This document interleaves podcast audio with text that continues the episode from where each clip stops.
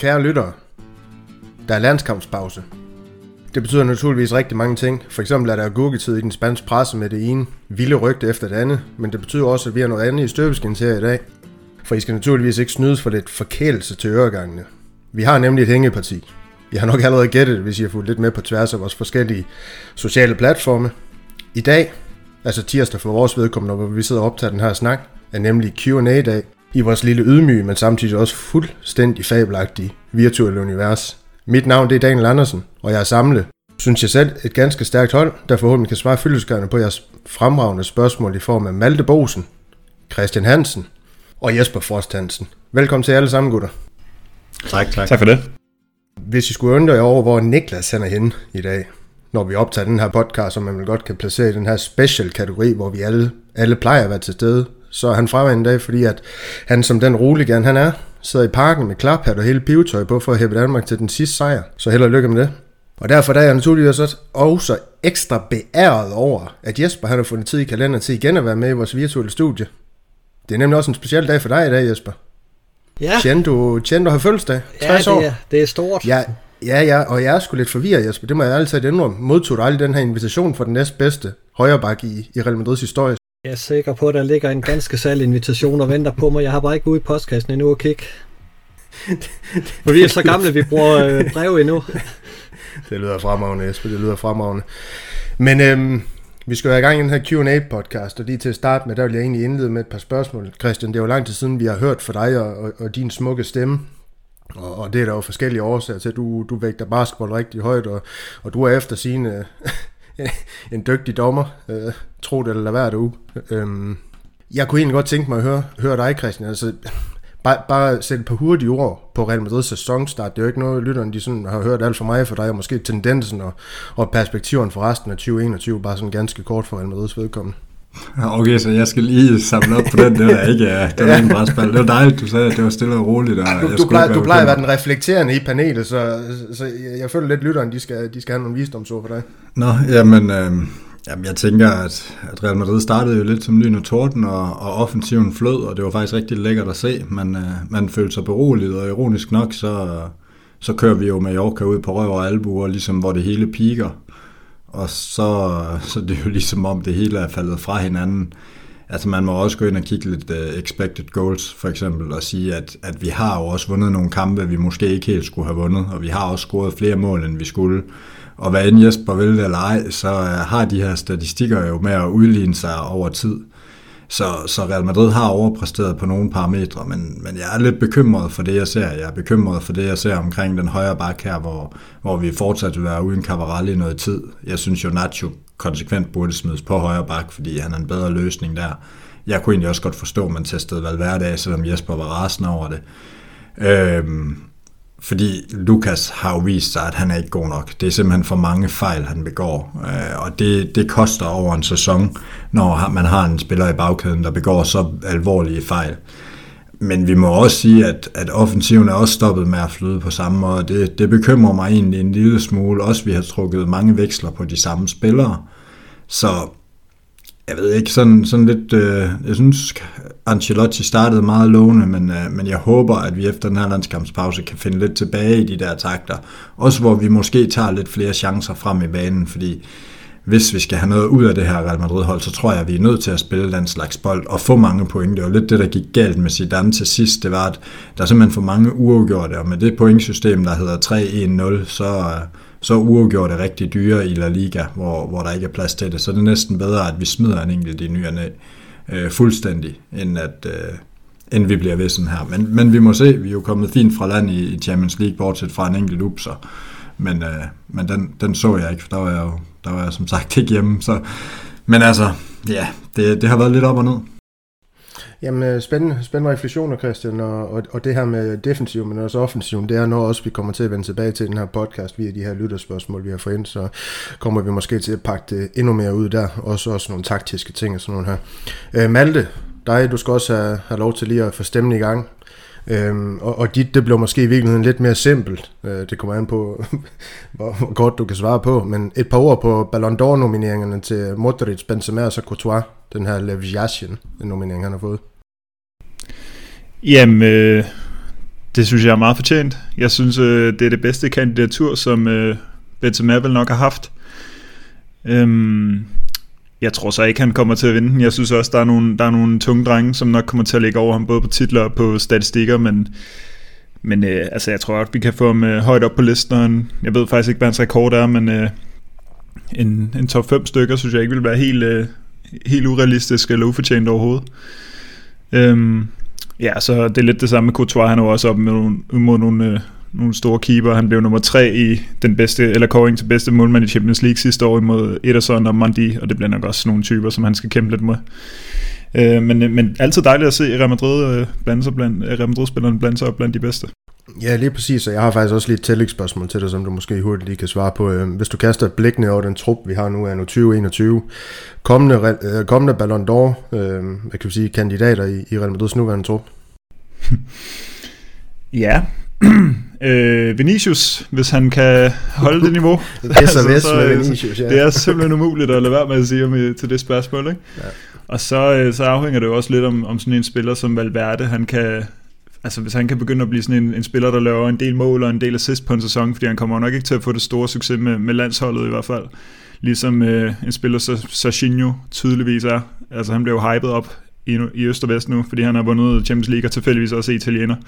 Øhm, så, øh, så ja, altså nogle af, nogle af de største talenter i, i, i rækkerne der, Vinicius og Valverde er ligesom de første, der springer øjnene, synes jeg. Ja, du nævner bevidst ikke Hazard, så, så det er jo fint nok. Øhm, Jesper, dit spørgsmål, det er, det er faktisk fra Thomas Holm Skovby Agtman, øh, men, men det havde du nok gætte. Han, han leverer den her til dig. Redondo og Iguain, eller Gargo og Raul. Jeg tror, han har lyttet lidt med på podcasten. Jeg ved ikke, om det er som at vælge mellem pest eller kolera, når, når Gargo og Iguain de bliver nævnt sammen med de her to store KF'er, Redondo og Raul. Ja, der er jo kun en af dem, jeg ikke øh, kan fordrage, det i Iguain. Øh, så, så, så allerede det, der er Redondo jo lidt bagud, selvom han er, han er en af mine store helte. Altså, Raul havde 16 sæsoner i Real Madrid, og, og Redondo havde 5, så, så den, den, den hænger, kommer vel nærmest til at, at blive Raul og, og Gargo, der, der vinder den trods alt, og så er det da Iguain, der trækker voldsomt ned på Redondo-siden. Ja, jeg, jeg havde faktisk også håbet, du svarede Raul og Gargo, fordi at øh, tillægsspørgsmålet til dig, det lyder jo lidt, at øh, Raul Castilla, de underpresterer gevaldigt lige, lige, lige pt. Altså rygterne, de vil jo vide, at øh, hele planen med Real Madrid, eller i hvert fald de planer, vi har spekuleret i her på podcasten, så kan man diskutere, om det er rygte eller ej. Det var jo lidt, at han måske skulle køre sin stilling via Castilla-jobbet til et job på første hold. Øhm, hvordan ser det ud lige nu? Altså fremtiden i Real Madrid for Raul. Jeg ved, det er dig, der sidder og, og strikker øh, referaterne sammen øh, for det meste omkring det her Castilla-mandskab. Øh, læser du noget i spansk presse om, presse om øh, øh altså det her trænersæde, det skulle være far for ham på nogen måde? Det har været nævnt øh, ganske, ganske lidt, men, men øh, Rauls job er ikke i far, fordi man ved godt, at, at Castilla går en, en svær sæson i møde. Øh, dels har man været ramt af nogle skader, dels leverer man stadigvæk spillere til, til første hold øh, for at og, og dække ind på de skader, der er på i første holdstruppen. Så, så øh, det, det bliver en svær sæson for, for Castilla. Det er jo ser på udebane, at de har haft problemer, øh, hvor de har tabt de, de fire kampe, de har spillet. Øh, men, men jeg, jeg ser ikke Raul som være fyringstrut, og, og planen er stadigvæk, øh, tror jeg, at, at han i løbet af, af en årrække skal køse stilling som, som førsteholdstræner. Altså Zidane havde jo heller ikke bravende succes med, med Castilla-holdet, inden han blev rykket op som førsteholdstræner, så de to ting kan man godt holde adskilt, og, og, og få en, en succesfuld øh, træner i Raul. Og jo, men han skal jo nok ikke rykke ned, så, så vil jeg faktisk godt anfægte lidt det her, for det, det er noget af det, jeg synes har været, har været tæt på horribelt, og som frustrerer mig uendeligt meget. Det er det her med, at man har de her øh, elevatorspillere. Altså, jeg, jeg har faktisk svært ved at se, hvad logikken er med det.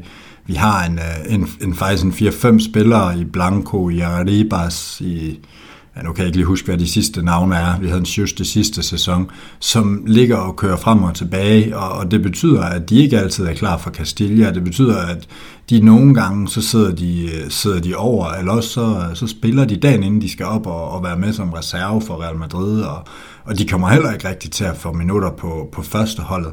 Altså, jeg er simpelthen nødt til, til at være lidt kritisk omkring hele det her projekt, fordi det kører jo bestemt ikke for Castilla, og det kører jo heller ikke med at få dem integreret på førsteholdet. En Arribas var et af Europas største talenter i sin årgang. Altså han bliver 19, hvis han ikke lige er blevet det. Og, og, og står nu til at blive spildt. Jeg synes, det er lidt sådan, altså så får dem enten lejet ud, eller også så finde ud af, at vi skal satse på, på det her Castilla-projekt, eller finde ud af, at vi skal mindst have dem ind og spille omkring førsteholdet. Altså, nu har vi hentet Kammervenga, så, så ryger Blanco jo også bare bag i køen. Jeg synes, det er, det er noget værre råd, og, og det er mere ud fra et strategisk synspunkt og et talentudviklingssynspunkt, end det er ud fra, hvordan Castilla lige klarer sig. Men, men jeg ved ikke, hvad du tænker om det, Jesper. Jamen, jeg er da, jeg er da helt enig, og, og som jeg også har, har nævnt det et par gange i, i vores interne tråd, så fatter jeg ikke, at Ancelotti ikke uh, bruger de her talenter noget mere. Altså Miguel Blanco, har, eller hvad hedder han, Miguel Gutierrez har jo længst vist, at han er god nok på den venstre bak. Og alligevel så skal der, hvad hedder det, afprøves spillere til højre og til venstre i, i, i den der forsvarsposition. Øh, i stedet for at køre nogle af de, de unge i, i stilling, gik øh, Casemiro lidt tiltrængt hvil og prøver Antonio Blanco. Altså, øh, det, det kommer Real Madrid, Madrid jo ikke til at stå dårligt af med, med det spil, han har leveret øh, indtil nu i, i sæsonen. Så, så jeg kunne også godt tænke mig, at man var lidt mere modig øh, og gav de unge chancen. Øh, fordi det, det har de bestemt talentet til. Ja, det er godt nok længe siden, vi har set nogen sådan for alvor få lov at bryde igennem på første holdet, uden at de har skulle afsted. Øh, det, er, det er jo lidt sørgeligt, øh, for, for at sige det som det er, og, og samtidig, altså jeg kunne forstå, hvis det var fordi Castilla klarede sig godt, øh, lå til oprykning, eller, eller spillede i den næstbedste række, at man prioriterede det, fordi det kunne have nogle fordele. Det, det, den tror jeg så ikke på, det har jeg også nævnt før. Jeg synes bare, det er, det er ekstremt sørgeligt at, at se, og også når vi følger med i, i nogle af de her spillere, som så har brugt igennem i andre klubber, i, i Hakimi, i Reguilon. Øh, jeg sad sådan og så det spanske landshold og tænkte den anden dag, at, at de spillede mod Frankrig, og der var Theo Hernandez og, og hvad hedder det, øh, Marcos Alonso på hver deres hold. Det er spillere, der begge har været i Real Madrid, og begge vil gå ind og være startende venstre backs for Real Madrid, og de spiller andre steder. Altså det, det er sådan lidt, der, der er et eller andet, der er gået galt. Øhm, og, det, og det er utroligt, man ikke har lært af det. Det er næsten kun blevet værre. Men Marcos Alonso og Theo Hernandez var jo ikke øh, god nok i, i Real Madrid, men, men du har da ret. Øh, de, de gør det godt på de klubhold, de er i nu, og Reguilon og Hakimi var vi jo nødt til at sælge på grund af de økonomiske problemer, vi havde på, på grund af covid-19, så, så der er jo også en grund til, at de, de røg ud af, af klubben. Oh, men så skulle vi måske have fundet de penge andre steder. Det, men den, den kan vi lade ligge. Den har vist været ned af den sti. Og, og, og så har vi ligesom fået scenen sat, vi har fået de to sure mennesker tilbage øh, i panelet, og det er fuldstændig fremragende. Lidt mere lavmældt Malte det i dag åbenbart, men jeg håber, du, du tager revanche senere, for jeg ved også, du har nogle stærke følelser i spil om, omkring det her emne, Malte, med, med udleje af spillere og, og, og, hvad skal vi sige, fejlslået legemål og sådan noget, som vi også kommer ind på i, i podcasten. Blandt andet Renier ved jeg, at du har nogle holdninger til, og, og han så opholdt Dortmund, så det, så det skal blive spændende at høre dit take på det, hvis du kan få ord i, i det her forum med, med, med, med Jesper og Christian, der, der har stærke holdninger, det ved vi. Øh, men det er dejligt, det er dejligt. Og så har vi ligesom fået sat scenen, som sagt. Øh, der er mange lytterspørgsmål, vi skal igennem. Det, det her det var faktisk kun starten i virkeligheden. Øh, det er et potpourri af forskellige arter emner. Vi skal for eksempel dykke lidt ned i, i fremtiden i vores egen anden, men også øh, måske sammenligne den lidt op mod Barcelonas. Det er i hvert fald det, vores øh, lytter de har lagt lidt op til. Øhm, og så kommer vi forbi en masse transfersnak, udlejespillere og lidt taktisk snak øh, med udgangspunkt i nogle af ja, af Real Madrids offensive spiller. Øh, herover skal vi også kigge lidt i krystalkuglen og, og lege lidt gættelej til sidst. Øh, det hele det krydres naturligvis med den vanlige quiz, og den skal vi til netop nu, og det, det formoder jeg, at I er klar til. Super. Det er fedt, når lytterne kan se, at vi lige giver tommel op alle sammen. ja, men det, det er fuldstændig helt perfekt, øh, perfekt sat. Øh. Og der er Chendo-tema i dag, Jesper, så det kan være, at du øh, hiver Ja, det ved jeg ikke. Er det den første sejr nogensinde i podcast, regi, hvis du får den dag? Øhm, vi starter blødt ud. Og Jesper, du får lov til at starte. Hvor mange mesterskaber vandt Chendo med Real Madrid? Jeg skal vide, om du vil have de tre valgmuligheder, jeg har fundet frem, eller om du bare ja, tager det for hoften. Det, nej, lad, os, lad, os, lad mig lige få dem. Skal, Skal, skal du have valgmuligheder, når det er Ja, Chendo? ja, lad Nå, komme med dem. nå for det der. Overraskende. Jamen, øhm, de svarmuligheder, jeg har skrevet, jeg ved selvfølgelig ikke, om, om det er rigtigt, det er 7, 5 eller 6. Han var med, da vi vandt de fem eller Quinta. Og så vandt, var han med i 94 også. Jeg siger, at han vandt syv mesterskaber, så jeg tror også, at han var med... Øh, vi, Jamen, øhm, Jesper, du behøver så ikke sige så meget mere, så kan det være, du blamerer dig. Du er på tavlen. Et point. så det er fuldstændig fremragende. øhm, vi bliver, vi bliver ved, ved Chendos pokaler. Han var der som sagt lang tid, og det gjorde, at han fik mange af dem her. Og hvor mange Copa del Rey pokaler var han med til at vinde, Malte? Øh, din, oh. din svarmulighed, det er 3, 1 eller 2. Dem har Real Madrid jo traditionen tro ikke været øh, super gode til at, til at hive land. Nej. Øh, det er jo... Der er jo ikke nogen, der kan huske det her. Så øh, Hvem, hvem kan huske noget om Chendo? jeg siger... Øh, så siger jeg to. Nej, nej. Det er rigtigt, du er også på tavlen. Jamen, det er fuldstændig fabelagtigt. Perfekt. Chendo, han, han kan noget magisk åbenbart. Og, og Christian, dit, det er selvfølgelig bare, at du skal svare på, hvor, hvor mange pokaler han ellers har vundet i klubben. Nej, det skal du selvfølgelig ikke. Det skal du selvfølgelig ikke. og Du skal hvilke bare årstal? Svare, ja, og hvilke årstal. Du skal selvfølgelig bare svare på, hvor mange UEFA-turneringer han var med til at vinde med Real Madrid. Og her er UEFA Cup'en og, og Champions League. Altså hvis han vandt nogen, det ved man jo aldrig. Men svarmulighederne, de ligger så op til, at han vandt nogen. Det er 4, 3 eller 5. Sagde jeg var sikker på, at det var to. Jeg var lige ved at svare det uden svarmuligheder, så det bliver, det bliver tre. Jamen, det er også korrekt. Så I er alle sammen på tavlen lidt point hver. Det jamen, forrygende start. Jeg, jeg, jeg er helt forbavset. Jamen, altså det, sige. vi kan, når du ikke er, er på den anden side af bordet, så kan vi lige pludselig godt. Ja, jamen det, det, det er perfekt. Det kan være, at det her det skal være setup fremover, så er lytterne også fri for at høre på min latterlige takes på de forskellige emner omkring Real Madrid. De, det er de nok også glade nok for. Ah, men dog, du Øhm. kan holde dig helt i skinnet i en hel udsendelse. det kan jeg sgu nok ikke. Men øh, så lad os hoppe ud i programmet. Jeg har delt dem sådan lidt op i kategorier, øh, og vi starter ud med noget taktisk snak. Jeg, jeg vidste egentlig ikke, hvor vi skulle starte den, så vi tager dem egentlig bare for en ende af, sådan som jeg har delt dem op. Lidt taktisk snak på en eller anden måde, øh, og Thomas Holm, Skovby Arkman, som var inde på før, for vores, øh, øh, han stillede spørgsmålene via Madridist.dk podcast inde på Facebook. Og den her, den går ud til dig, Jesper. Øhm, han skriver, I har tidligere været inde på, hvad der skal ske, for at vores angreb kommer til at spille godt igen. Øhm, men det kan måske være, fordi Ancelotti forsøger at dæmme op for de mange chancer mål mod os, øhm, at det går i stå op foran.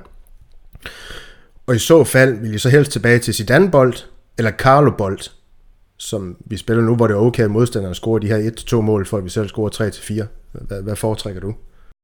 Jamen, der, der er helt klart øh, uh, Carlo Bold. Uh, øh, altså, selvom jeg har været lidt kritisk uh, for, over for italienerne her uh, de sidste par uger, så, så synes jeg stadigvæk, at, uh, at det udtryk, Real Madrid generelt har vist uh, indtil nu, det, det har været overvejende positivt, og, og vi kommer jo frem til, til flere chancer, end, end vi gjorde uh, under Zidanes sidste tid i, i klubben. Uh, så, så det foretrækker jeg klart, men jeg synes også, at Ancelotti skal, skal begynde at lægge sig, sig fast på, på øh, hvad hedder det, holdopstillingen, og ikke øh, veksle så meget rundt, som han har gjort, fordi han, han har misbrugt en spiller som Feder Valverde ned som, som højreback. Det må snart stå klart for alle, at, at den position skal han ikke spille, når han har fået sit gennembrud på midtbanen. Men hvad, øh, nu, nu kan jeg lige følge op, altså hvad med tendenserne defensivt? Er det nogen, du kan overse i alt det her? Altså, fordi et er jo Valverde, han røg på højre bakken. Det betyder som sagt ikke, at de andre de skal spille dårligt, kan man sige, og det ikke skal harmonere. Så der er jo nogle afstemningsproblemer defensivt, der lige skal, skal rettes op på. Jesper, han kan lige få lov til at svare, så kan du byde ind, Christian. Ja, men det, øh, altså, der, der- skal Ancelotti jo også, øh, hvad hedder det, have spillet det her forsvar ind, og der, der synes jeg, han skal få Alaba ind centralt øh, sammen med Militao, fordi så har han Nacho, der, der kan ligge og, og spille begge bakkerne, øh, og, og umiddelbart er jeg jo stadigvæk til, at Miguel Gutierrez har, har vist, hvad, hvad han duer til. Øh, men det er klart, øh, et, det, det er et helt nyt øh, forsvar, fordi vi ikke har Ramos og Varane med, så vi skal også øh, være indstillet på, at, at det måske er lidt lettere for modstanderne at komme frem til målchancer, og det kan vi så modvirke ved at, at selv og, og lave lidt flere op i den anden ende. Ja, men jeg synes faktisk, der er tre faktorer her, som vi, vi overser. Den ene, den er, at øh, Varane og Ramos, de der spillede sammen i 10 år i, i tygt og tyndt og vundet store turneringer og, og vidste, hvad det krævede. Øhm, og, og nu står vi med et nyt midterforsvar. Det, det vil tage tid med Alaba og Militao, og det, det er svært at klandre Ancelotti, synes jeg egentlig. Altså, hvad skal man sige? En hver, der overtager og skal køre et nyt forsvar ind, normalt vil man sige, det tager måske to-tre sæsoner. Så, så det er den første. Den anden den er, at vi får verdens bedste defensive venstre bak tilbage lige om lidt fra skade.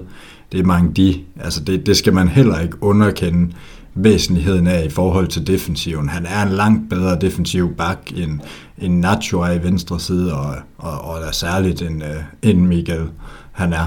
Øh, og så den tredje faktor, som jeg faktisk synes er meget underkendt her i starten, det er, at jeg synes faktisk ikke, det har været super meget afstemningsvanskeligheder. Jo, der har været et par mål, hvor det har været det, og der har været nogle situationer, hvor det har set lidt mærkeligt ud.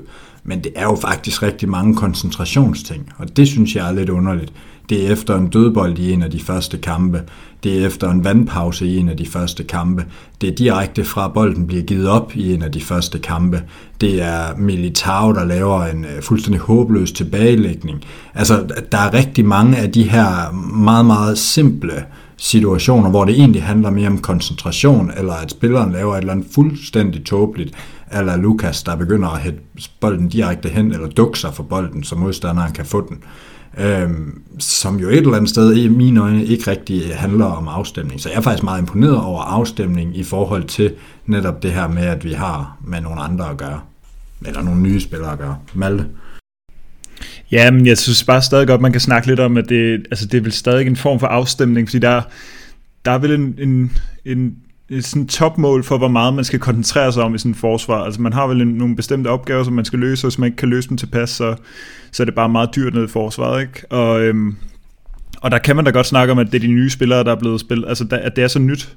Øhm, og, der er, og det er så forskelligt, hvilke spillere de er liggende til højre og venstre. Altså Militao har jo haft alle mulige forskellige spillere liggende til venstre og til højre. Så er det Nacho på højre, så er det Nacho til venstre. Så er det Alaba til venstre, og så videre, og så videre.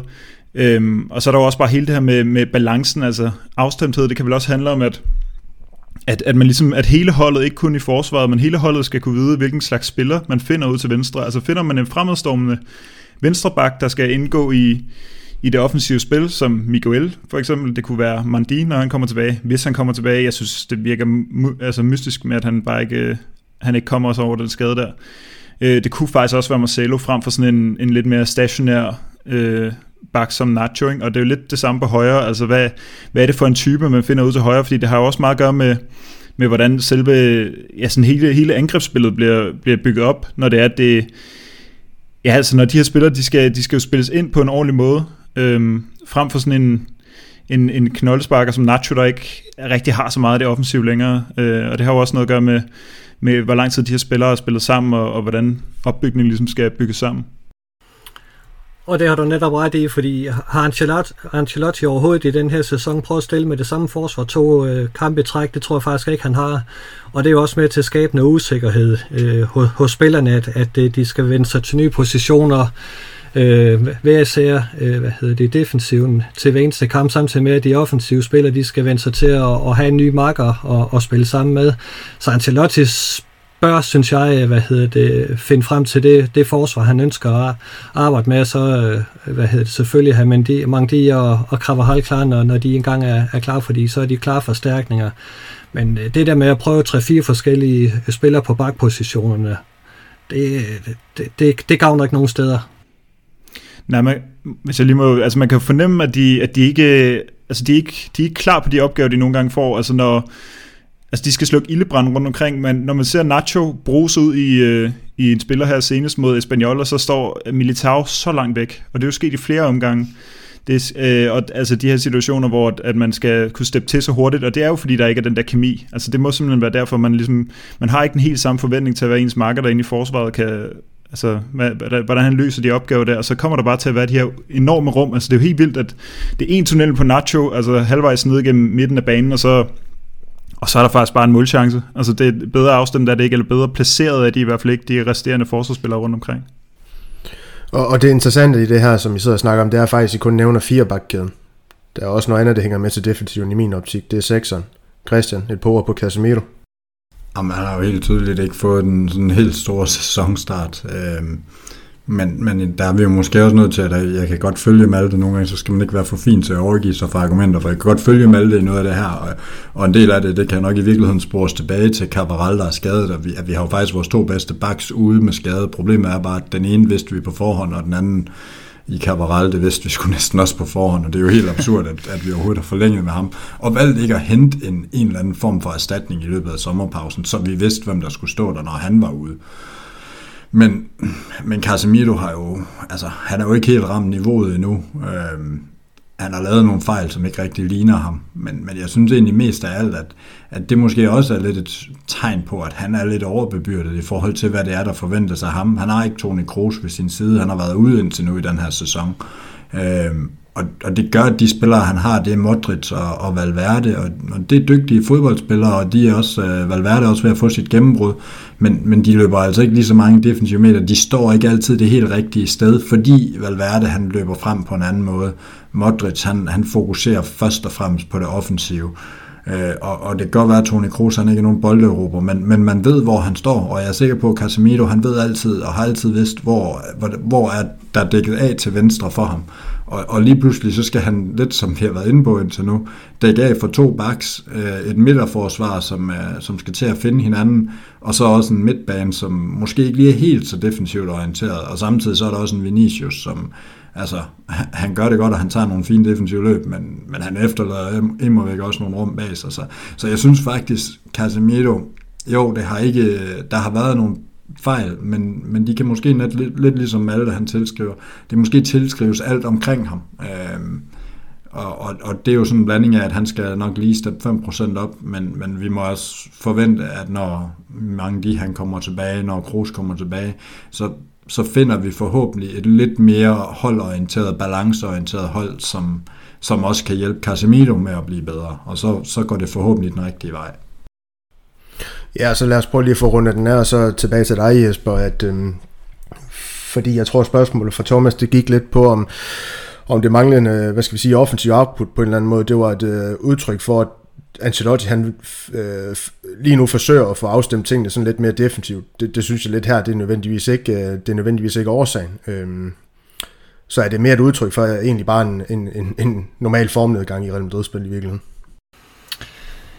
Ja, for det, det, det har, har, har vi jo haft de sidste par sæsoner også i, i den her oktober måned, slutningen af september, starten af oktober, øh, nogle, nogle problemer, så øh, og, og, og så de her skadessituationer, det, det har bare betydning for op gennem hele holdet, at, at, øh, at man så bliver lidt usikker og ikke øh, tør spille sit eget spil. Øh, så, så som Christian også siger, når, når vi får nogle af de her spillere klar igen, så tror jeg også, at Real Madrid finder tilbage til sit, sit udtryk, og, og så er vi der absolut med i, i mesterskabskampen igen, hvad vi i øvrigt stadig er.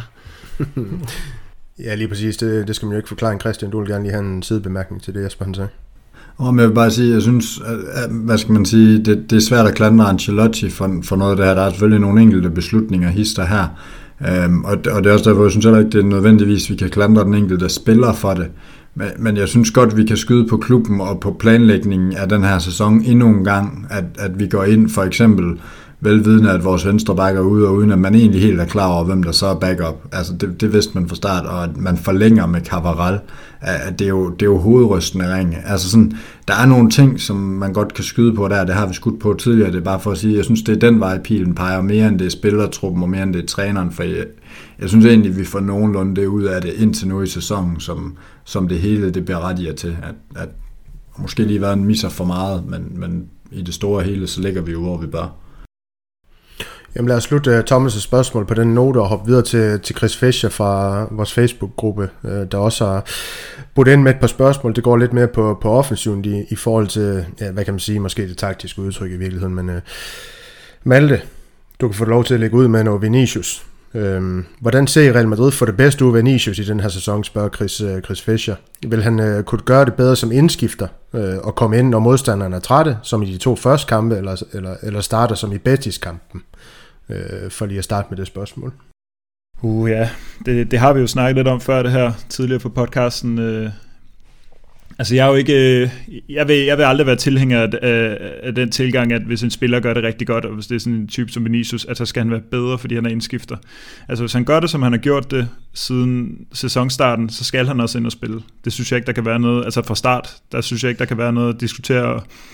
Og øh, det kan godt være, at der er nogle hold, der barrikerer sig, og så er det godt at få Vinicius ind med fuld smadret på, men det er altså også godt at få Vinicius ind fra starten, hvor begge hold måske har noget at spille for, og der vil være mere plads, end når man er kommet bagud, og han så skal ind og dirke et, et meget dybt øh, forsvar op. Øhm, så synes jeg så til gengæld omvendt heller ikke, at øh, altså, nu, jeg kunne faktisk meget godt lide, at, at øh, Carlo Ancelotti tog ham ud imod øh, Espanyol, øhm, fordi jeg tror heller ikke, det, gør, det gavner hans udvikling, hvis han spiller øh, for mange kampe 90 minutter, uden han nogen som helst indflydelse på det offensive spil. Altså der tror jeg, man skal tage en spillers mentalitet med lidt ind i, ind i overvejelserne. Vi har set Vinicius, var det i hans, starten af hans anden sæson, hvor han falder grædende på knæ, fordi han scorer imod Mallorca eller sådan noget. Altså det er jo et helt sindssygt pres, den mand må have været under, altså når han i en alder har været 19-20 år på det tidspunkt, føler, at øh, altså, kommer, kommer med sådan en reaktion på at score et mål for Real Madrid, han er jo bare nogen knægt, ikke? Øhm, så så øh, ja, altså tag ham ud, hvis han ikke, øh, altså han, som alle andre spillere, tag ham ud, hvis han ikke præsterer. Nu har han haft tre dårlige kampe i streg. Tag ham ud lidt tidligere, sæt nogle andre spillere ind, lad være med at bare tro, at, øh, at nu skal han bare spille 1 minutter hver gang, fordi han kan være så afgørende. Men øh, men det er heller ikke noget med, at han så bare skal være indskiftningsspiller. Det synes jeg ikke i hvert fald. Nej, Jesper, vi to, det er jo heller ikke nogen hemmelighed for dem, der er regelmæssigt lytter på den her podcast. Vi har sådan et, øh, et vedmål, vedmål kørende. Øh, jeg har tippet Vinicius til 16 mål derovre. du har, du har, du har gået, og han, han, han kom jo rigtig godt for land, og du var jo allerede i gang med, med den her brunsviger dig. Øh, fordi det, det så rigtig, rigtig godt ud, og den her brunsviger, den skulle sendes til, til Nordjylland. Men der har været formnedgang. Øh, Chris han spørger så, kan han genfinde sig selv øh, og ikke mindst holde niveauet, og, og hvad skal der til måske i virkeligheden, øh, hvilket er endnu vigtigere. Jamen det kan han sagtens, så det er måske ikke engang så meget ham selv, der skal genfinde øh, sit niveau, men, men hold, der skal finde tilbage øh, og, og få den her dynamiske midtbane, så, så Vinicius, Vinicius ikke kommer til at ligge alene og skal, skal hvad hedder det, lave øh, øh de hurtige løb på, på kanten alene, at øh, man også har Fede Valverde i den anden side op eller, øh, igennem midten, så, så der er nogle flere... Farlige folk af, af modstanderne skal, skal forholde sig til, fordi øh, Vinicius alene er, er måske lettere at, at, at lukke ned for, hvis ikke der er andet i, i offensiven og, og, og skulle tage sig af. Så, så jeg synes i høj grad, det hænger sammen med, at Real Madrid finder tilbage til, til de takter, de viste i, i starten af sæsonen, hvor der var masser af, af, af liv i offensiven, fordi så, så får Vinicius mere plads. Øh. Ja, så der er håb, Christian. Jo, men det var bare lige en lille ting i forhold til det her med Vinicius som indskifter kontra som starter, og at han kan komme ind, når, når modstanderen er træt. Altså, jeg, jeg kan godt følge logikken i det, men, men der er jo bare lige den faktor med Vinicius, at, at vi har endnu ikke set ham blive træt i en kamp. Altså, han tager faktisk de her løb efter 90 minutter også, så der er ikke rigtig nogen grund til at spare ham. Øhm, han, han virker til at være i en enorm stærk fysisk forfatning i forhold til at spille 90 minutter. Vi har flere gange set ham tage de her lange spurter efter 88, 89, 90 minutter. Så, så på den måde giver det ikke rigtig mening at tænke, at han skal spare, så skal det være, fordi man vil spille en anden type fodbold fra start. Øhm, det, det synes jeg også er, er noget, der er væsentligt lige at, lige at hive med. Men øh, jeg tror måske heller ikke, det er så meget fysisk, at man kan køre ham træt, men jeg tror, man kan køre ham træt mentalt, så, så derfor synes jeg, at Ancelotti skal, skal være rigtig klog med, med Vinicius og, og vurdere, hvornår han skal have pauserne, for han hele tiden er, er mentalt stærk, fordi det er en angribers vigtigste våben, det er at være, være klar i hovedet. Øh, og, og hvis, hvis ikke han er, er mentalt stærk, jamen så, så får vi måske de der præstationer, som vi har set i de sidste par kampe, og, og som vi håber, vi ikke skal se alt for mange af. Ja, så lad os parkere den her med Vinicius her, og en, der måske i virkeligheden både er fysisk og mentalt udkørt i, øh, i Real Madrid, det er, det er desværre, kan man sige, den Hazard og Chris Fischer, han stiller også et spørgsmål her, Christian, det er valgt, det skal gå til dig. Øh, Chris han skriver, jeg har stadig et utroligt stort håb for Hazard, øhm, og det er ikke nødvendigvis, fordi du skulle have et stort håb til ham, at, øh, at det er dig, der skal have spørgsmål, men han spørger så, ser I, ser I, at han stadig kan slå igennem? Og så tilføjer han, jeg synes, det kunne være fedt at se ham øh, i en mere central øh, rolle i banen, øh, som spilfordeler og, og tempostyr. Gerne lige bag, lige bag Benzema. Hvad tænker I om det? Og, og så Hazards fremtid sådan helt generelt. Jo, men Hazards fremtid, det afhænger jo et eller andet sted af, af hans fysik. Øh, det, det har vi jo talt om nogle gange. Øh, det er jo en ærgerlig historie, og, øh, og, og det, det er der jo ikke rigtig så meget at gøre ved. Man er jo nødt til at få det bedste ud af ham nu. Øh, Og, og det tror jeg, der er helt rigtigt set, at det er centralt, fordi ude på kanten, der kommer han for langt væk fra målet. Og i og med, at han ikke har farten længere, så, så bliver, han, så bliver han ikke rigtig nogen trussel derude, så, så han skal da ind centralt på en eller anden måde. Det synes jeg egentlig også, at Ancelotti har prøvet. Det kan godt være, at øh, Peter Gravlund og hvad der ellers har siddet der, at tilfældige håbløse kommentatorer ikke har lagt mærke til, at, uh, at det faktisk er der, han har spillet.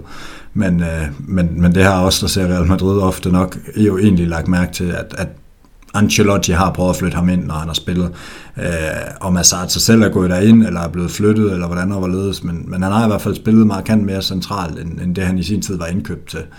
Øh, men altså, det, jeg tror, det bliver en svær, svær en, og, og nu bliver han også skadet med Belgien igen, ikke? Og, og det er jo lidt bare historien. Altså, det, øh, det er et helvede, når man først rammer de der muskelskader, og, og ens muskler bliver, bliver nedbrugt på, på kryds og tværs, og, og, og det tager rigtig lang tid, og det har han forseret tilbage fra, og, og så er det ramt igen, og vi har den også med Cabral. Øhm, det, er, det er bare noget rigtig juks, øh, særligt for en fodboldspiller omkring de 30, så, så jeg, altså, jeg tror, vi skal, vi skal vælge at afskrive ham, og så håbe, at, øh, at der kommer noget bedre. Det er, det er den bedste løsning. Det er ikke en, vi skal planlægge omkring længere, desværre. Ja, og det spørgsmål, du i virkeligheden besvarer, det er jo måske også noget, vi har berørt lidt i vores øh, ja, forskellige ugenlige podcast, hvor han selvfølgelig naturligvis også har været et emne via Real Madrids forskellige kampe, så fint nok lige for dit perspektiv igen på, på tingene, Christian. Nu er det lang tid siden, du har været med. Øhm, du har godt nok savnet mig. Jamen det har jeg, du er, du er et forrygende bekendtskab jo, eller noget. Så, øhm, transfersnak, lad os så over i, over i den, og Jesper, du får lov til at lægge ud her, det er Thomas Hartmann øh, via Twitter, der har været i gang. Øhm, hvorfor har Real Madrid ikke en sportsdirektør? Hvad har Carlo at sige i forhold til transfers nu, øh, hvor det er et spørgsmål om at skabe økonomisk rådrum? Altså den første øh, er vel øh, jo nærmest fordi Real Madrid ikke har en, en fast tilrettelagt spillestil, som, som går ned gennem rækkerne, og, og så kan det være lidt svært for en sportsdirektør at lave, lave en klar linje og, og nogle, nogle klare indkøb, øh, øh, sådan som, som for eksempel øh, Monchi har gjort det i Sevilla, hvor der heller ikke er det samme pres, som, som der er i, i Real Madrid.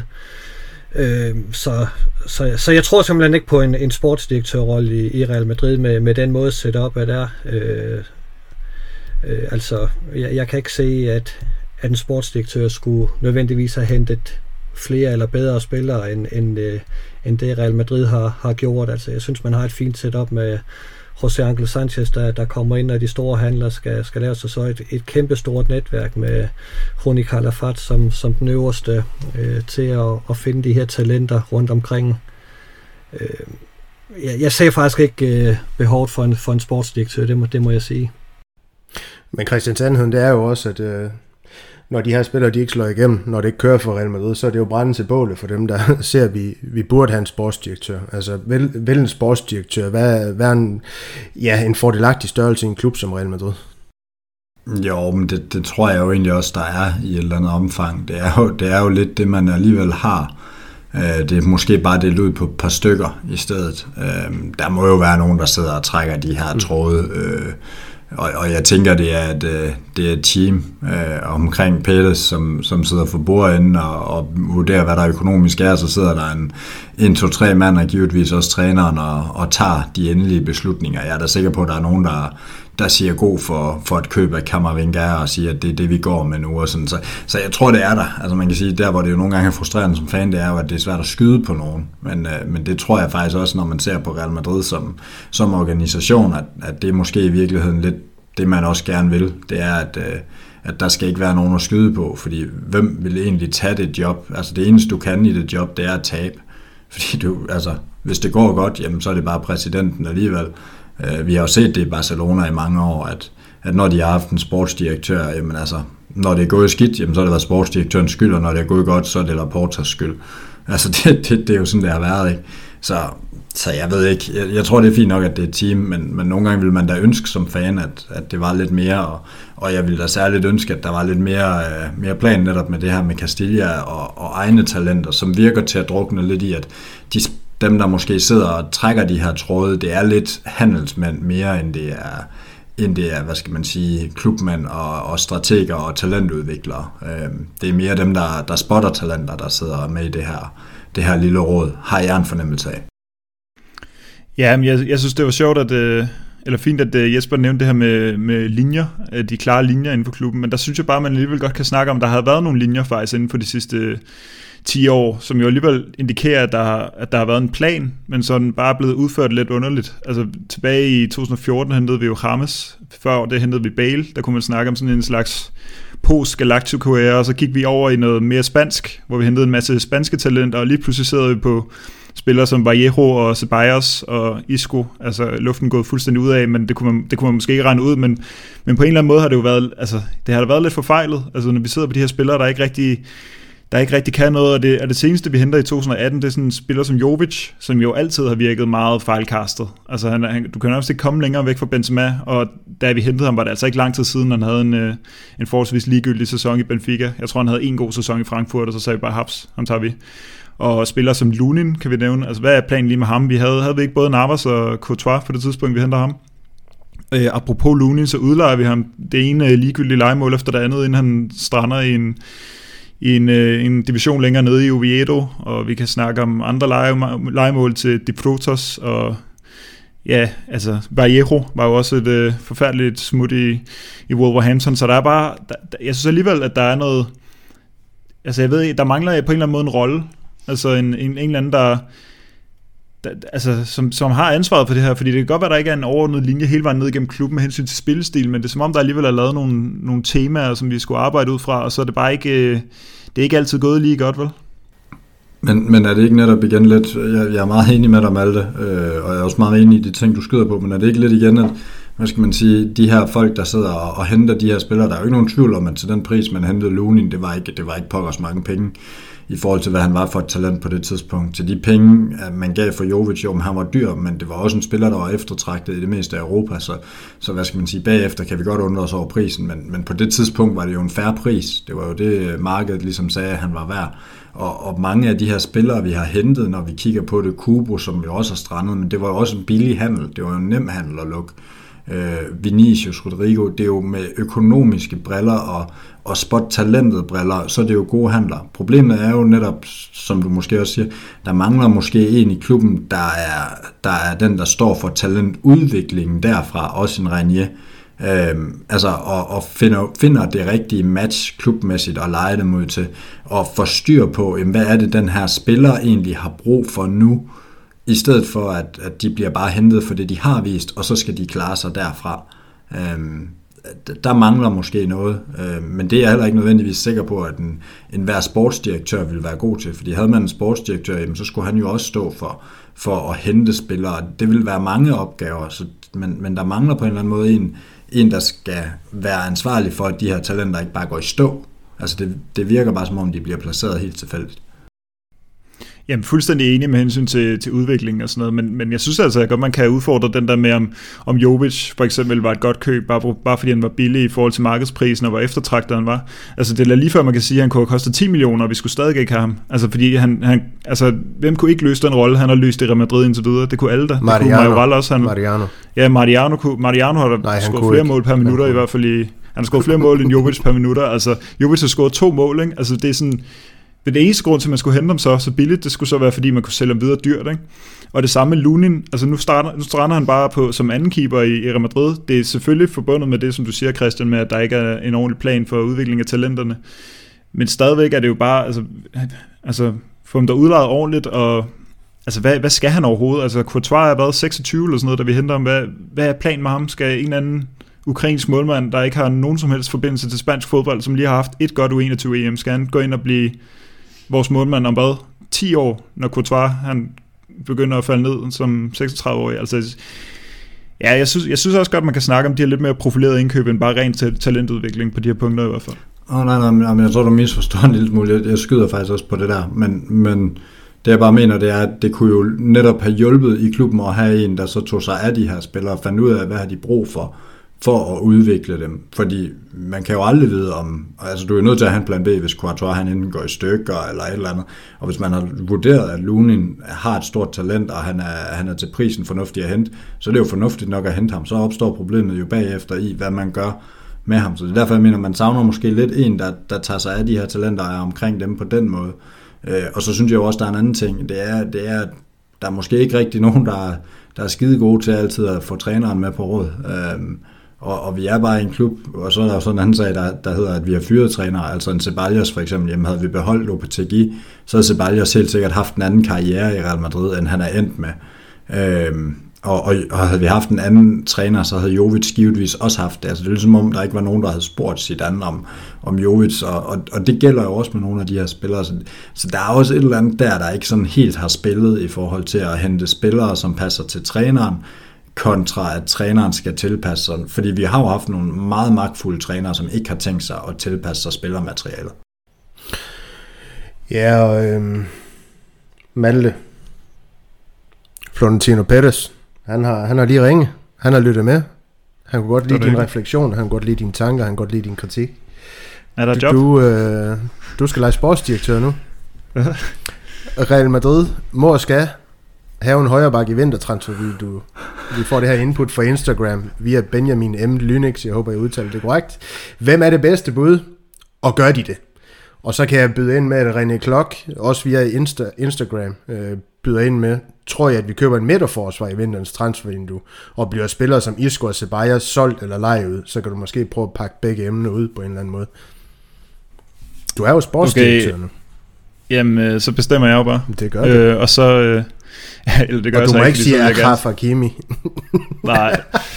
Okay, med hensyn til, hvad var det, januarvinduet, det, vi går nok af med Ceballos, så kunne jeg godt forestille mig, at skulle bliver. Jeg tror ikke, der kommer til at ske det helt store til januar i det hele taget. Jeg tror heller ikke, vi henter en ny centerback, så den kan jeg rimelig hurtigt lukke ned som sportsdirektør i Real Madrid. Øh, med hensyn til højreback, der var du lige, den nåede du lige at smide i hovedet på mig, lige inden vi optog, og så jeg var lige hurtigt inde og google, sådan, øh, fordi jeg, ikke, jeg kunne simpelthen ikke komme i tanke om noget. Altså, jeg synes, de alle sammen spiller i Premier League, og det, det er jeg ikke sikker på, at vi skal, vi skal have noget fra. Jeg er ikke sikker på, at Carl Walker og Reece James og Alexander Arnold og de typer der, de vil være lige så gode i Real Madrid. Altså det er ikke, det er ikke altid, det går så godt med de britiske spillere i Spanien. Kieran Trippier er måske det bedste eksempel.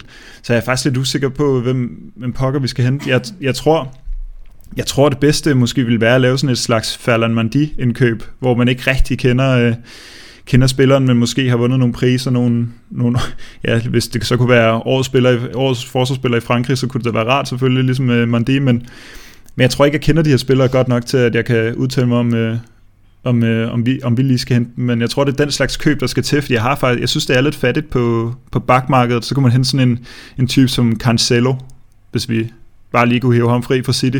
Men han har jo også bare været så shaky i Valencia og i Inter. Det kan godt være, at han lige pludselig præsterer flot under Guardiola i, i 10 kampe, og så ligner han en, altså ligner han Lukas Vazquez i tre kampe, og så lige pludselig er han god igen. Altså det er jo også, det er jo også for ustabil, og han er sikkert også ret dyr. Så jeg tror, jeg tror det er sådan en, måske en lidt mindre profileret spiller, der kan, der kan komme ind og, og sikkert få en masse spilletid, fordi Carvajal jo kommer til at være skadet i de næste fire år, og så, så kan han komme ind den vej rundt.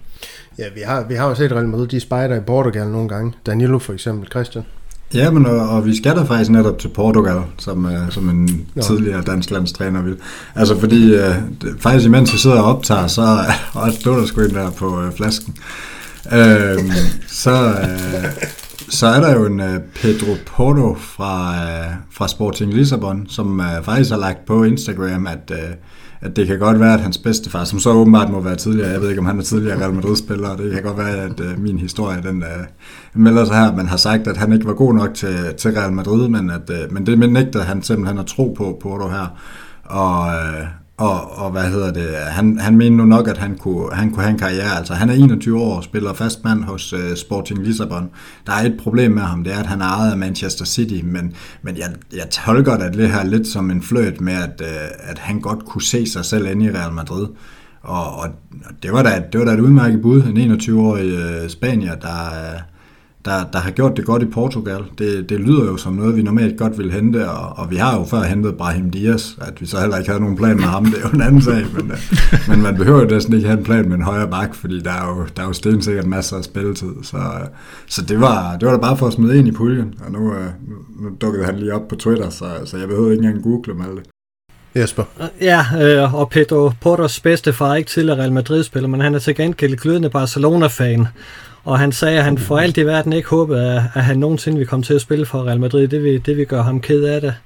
Men altså, skulle han øh, ende med at vælge Real Madrid, så ville bedstefaren følge ham, men ikke Real Madrid, øh, var han ude at sige. Så Øh, og, og jeg er enig med dig, det er det bedste højrebakbud. Øh, en ung spanier, øh, som er inde omkring øh, det spanske landshold, øh, det, øh, det, det virker oplagt, fordi jeg tror også, at, at City er, er til at tale med i, i forhold til et salg. Jamen ganske spændende, ganske spændende bud. Øhm, jeg håber, René Klok han i hvert fald fik svar på, på hans spørgsmål, og så kunne det jo være, at han svarer på det her spørgsmål, om vi snart får Michael Echen i, i kassen så ved han vist godt, hvad jeg refererer til der. Øhm, lad os hoppe lidt videre til de her udlejespillere. I berørte det faktisk lidt før, jeg uh, øh, snakker om, øh, om sportsdirektør, men det gør, vi, vi kan faktisk pakke det endnu mere ud. Øhm, Christian, øh, Alex Esman, via vores matadist.dk podcast ind på Facebook. Hvad tænker I angående alle de udlejespillere, øh, vi gang på gang sender på græs andet steds? Øh, han mener, det er virkelig begrænset, hvad vi får ud af det, øh, og hvad kan det skyldes? Ej, jeg synes jo, det, det er også hårdt. Altså, nu har vi godt nok været efter, efter nogle af de her udlejninger, men vi må også sige, at Cavaral havde nok aldrig haft den samme karriere i Real Madrid uden udlejninger. Fede Valverde er et andet godt eksempel, der virkelig blev modnet den sæson, han var i Deportivo. Altså inden han røg til Deportivo, der, der regnede man faktisk ikke engang med, at han kunne starte på Castilla, og så går han til, til Deportivo og spiller en brandsæson. Øhm, og, og udvikler den her fysik, og finder ligesom ud af, hvordan han skal bruge den her fysiske overlegenhed. Øh, bare for lige at nævne, nævne to, og der er helt sikkert flere, som, som har haft succes. En, en Ødegård et andet eksempel, og men det så ikke blev det store, så, øh, så vandt vi da nok i hvert fald 30 millioner euro på hans sæson i La Real alene. Øh, så, så der har jo også været succeser imellem, øh, og, og det synes jeg jo, det skal man også have med. Altså, at der så har været nogle fejlkast, det er en anden sag. Jeg er også ret sikker på, at vi kan sælge Brahim Dias noget dyrere øh, end, end end ellers, hvis vi øh, vælger at, at gøre brug af vores, af vores option med at købe ham tilbage efter hans to sæsoner her hos Milan. Så, så der er jo masser af, af succeshistorier også. Det er ikke sådan, at vi bare har, øh, har, har lejet ud, og det har været en helt total katastrofe. Det Frutos er et andet eksempel, der også, øh, der også tjente, tjente sig selv rigeligt ind på, på en god sæson. Øhm, men, men altså, der, der er jo der er jo noget omkring særligt de unge, og det synes jeg ville være om til Malte og, og save klubben midt over for. Men, øh, men altså, vi må også sige, der er altså også mange af de her udlejninger, der har været både økonomisk og sportsligt en, en stor gevinst. Øh, en Akraf, som vi jo øh, er, savner, fik en karriere i Real Madrid. Jamen, han havde jo heller ikke været den samme, hvis han ikke var blevet udlejet. Fordi den første sæson, han var op omkring første holdet, var han jo slet, slet ikke god nok. At man så bagefter måske tog nogle mærkelige beslutninger, det er en anden sag. Men, øh, men han modnedes jo også markant af en udlejning. Ja, der er jo også eksempler, altså Lucas Vazquez mener jo også var i Espanyol, José Caron var vist også afsted, Marco Asensio det samme i virkeligheden, efter Real Madrid havde landet ham, Casemiro i Porto, Jesus Vallejo, han havde også det her succesfulde ophold i Frankfurt faktisk, hvor Nico Kovacs, tror jeg det var i sin tid, han øh, store roste ham for sin rolle øh, på Frankfurts mandskab, da han var der, inden, inden det så går ja, lidt galt i forhold til, til udlejningen, så ja, der har der bestemt, øh, der har der bestemt været de her her succeshistorie også i forhold til Real Madrids øh, udlejning. Ricky Long, han, var der også i Sevilla. Jeg kan ikke, øh, blev, han, blev han solgt der til, at vi kunne købe ham tilbage? Blev solgt direkte ja. efter. Altså, men en, det ikke er gået så godt med Malte. Ham får du lov til at pakke lidt ud nu for, for os alle sammen og, og kritisere Real Madrids uh, metoder, måske lidt René Dortmund. Øhm, det er Hossein Ali, der, der gerne vil have at vide, hvad tror I meningen med købet, at René har været sådan som vi spiller, passer han slet ikke ind. Han er mere 10'er-rollen, og så måske lige, ja, måske bygge videre over i hans øh, udlejning øh, i Dortmund og sådan nogle ting her. Ja, jamen det forbinder sig jo fuldstændig til, til måske det, jeg vil, lige vil kommentere på med, med det, I lige snakkede om, mm. fordi altså, succeskriterie nummer et, det eneste, vi skal være sikre på i første omgang, det er jo, at de her spillere, de får spilletid. Altså det kan ikke være, jeg synes ikke, man skal fremhæve så mange øh, positive historier, som om, at det er sådan en modvægt til, at, til den negative historie, fordi det, det må simpelthen bare være en kæmpe fiasko, hvis spilleren ikke engang får spilletid. Christian nævnte også de Frotos, men han havde også en frygtelig sæson i, i Valladolid, hvor han var sammen med Javi Sanchez, hvis nok, og, og Lunin, øhm, hvor han slet ikke fik spilletid. Altså de der spillere, der kommer ud og overhovedet ikke... Altså det er jo, det er jo så dyrt, det er jo dyre, dyre... Øh, det er jo dyre, dyre sæsoner, der går, når de slet ikke får spilletid, og Renier, han er jo hentet ind, altså var det lige før øh, covid-19, jeg ved ikke, om det på en eller anden måde kan, kan have en effekt med, at, øh, at planen lidt gik i vasken der, men det virker jo som om, at han har hentet ind som spiller, man skulle sælge videre dyrt, synes jeg. Også fordi han lige kostede de der 20 millioner mindre end, end Vinicius og, og Rodrigo. Det kunne man også godt tolke lidt som om, at så har kampen om ham måske heller ikke været helt så stor, øh, så længe vi kunne få ham så billigt, tænker jeg. Øh, sådan en ung brasilianer der, dem er der mange der efter. At han så er kommet til Dortmund, og der slet ikke har været nogen sådan plan med ham. Altså, jeg, jeg tror, var det, var det en af jer, der nævnte på et tidspunkt, at, at han også var uheldig, at, at Jadon Sancho han blev, og så derfor så kom han længere ud i, i periferien, men men altså, så langt ude i periferien burde han jo heller ikke være alligevel, og der er også andre, der er om rener der, og der er masser af unge gode spillere på det hold der i Dortmund, og det er som om, altså jeg, jeg synes, det virker som om, at der har været en eller anden øh, skikkelse i Real Madrid, der har tænkt, Dortmund, de udvikler gode unge spillere, vi har lige set det gå godt med at træffe fem minutter senere, så sender vi Renier afsted, og så tænker vi, at han, han, får, han får to fede sæsoner. Altså hvorfor skal han også have to sæsoner? Manden har aldrig spillet i Europa før. Hvordan, hvordan skal han dog, altså hvem har dog set ham kunne gå ind på Dortmunds hold? det næstbedste hold i, i Tyskland, kan man argumentere for. Hvorfor skulle han dog kunne slå igennem der? Jeg forstår det slet ikke, og jeg forstår ikke... Øh, ja, jeg forstår det slet ikke. Altså, der, jeg kan hverken forstå det fra Dortmunds synspunkt, eller fra Real Madrids synspunkt. Der må være en eller anden forbindelse, hvor at, at der virkelig er blevet udvekslet nogle informationer, der får det til at give mening for nogle højtstående skikkelser i klubben, men men jeg synes, det virker virkelig mærkeligt, og altså, nu ved jeg ikke lige om, hvordan hans øh, værdi er stedet eller faldet, men altså, det kan umuligt have været, der kan umuligt være meget positivt at hente den handel der. Men man er simpelthen lige nødt til at høre det også i forhold til noget, vi har snakket om tidligere. Altså, hvad foretrækker du? Foretrækker du Real Madrid? De forsøger at få de her spille, spillere udleje i håb om spilletid, eller, eller foretrækker du, at spilleren de lander i, i ingenmandsland? Jeg ved godt, det er meget sort bit sat op. Ingenmandsland, ligesom Christian han, øh, han, han skitserede tidligere med, at Ribas, der var en af de største talenter i hans overgang, falder lidt tilbage måske i hans udvikling i virkeligheden. Michael Gutierrez ind og ud af holdet, spiller lidt, spiller ikke. Blanco, altså burde man egentlig ikke uh, netop søge muligheden for spilletid til dem andet sted, og så håbe på, at de får det frem for den situation, de er i nu? Jo, de skal have spilletid. Det er det eneste, der betyder noget. I første omgang, alle de andre ting kan komme bagefter, om de skal have europæisk erfaring. Vi skal være 100% sikre på, at de får spilletid. Du tager ikke en brasilianer ind på 18 år fra, fra Brasilien direkte, og så tyrer ham direkte ind i Bundesligaen på det næstbedste hold. Det er ikke sådan, at han får spilletid. Så send ham til et eller andet Getafe, altså det... Og det er ikke engang sikkert, at de får spilletid der jo. Det har vi jo set med så mange spillere i de sidste par år. Altså, øh, Lunin, ja, vi kan nævne dem igen. Altså, det er, ikke, det er ikke engang sikkert, men altså, det her det er jo langt, altså, de, de skyder langt over overlæggeren med Renier, og han er en dyr fyr. Altså, han er ikke bare, øh, han er ikke en anden gut, der kommer op for, for ungdomsrækkerne. Øh, lige præcis med Adebas, der, der er lidt mindre kritisk, fordi han har, han har faktisk slet ikke været udtaget til førsteholdet i denne sæson. Det kunne godt lidt virke som om, at planen er lidt mere på plads lige med ham. Det, det, var, det var i sidste sæson, at han var, han var op omkring, og der var mange skader, der var alt muligt. Jeg synes, i, jeg synes i den her sæson, er det især Antonio Blanco, der lider under den her, den her plan, hvor han bare sidder på, en bæk, på bænken hele kampen igennem, og så de to kampe, han får fra Castilla, der får han 90 minutter som anfører. Altså, han er, han er godt nok havnet i Ingemandsland, så jeg tror, at det der, det kan man godt komme udenom. Det virker som om, at der er nogenlunde plan for det, synes jeg. Øhm, hvis vi lige ser bort fra Gutierrez og Blanco. Men med de udlejede spillere, der må det simpelthen bare være at få spilletid. Det skal være første prioriteten, og hvorfor bliver han sendt til Dortmund? Altså hvorfor ikke en spansk klub? Skal han ikke også have noget spansk statsborgerskab, hvis de, altså det, det giver ingen mening, synes jeg. Det er godt at høre dig harcelere lidt, øh, Malte. Det, det, det klæder podcasten. Det, det klæder dig.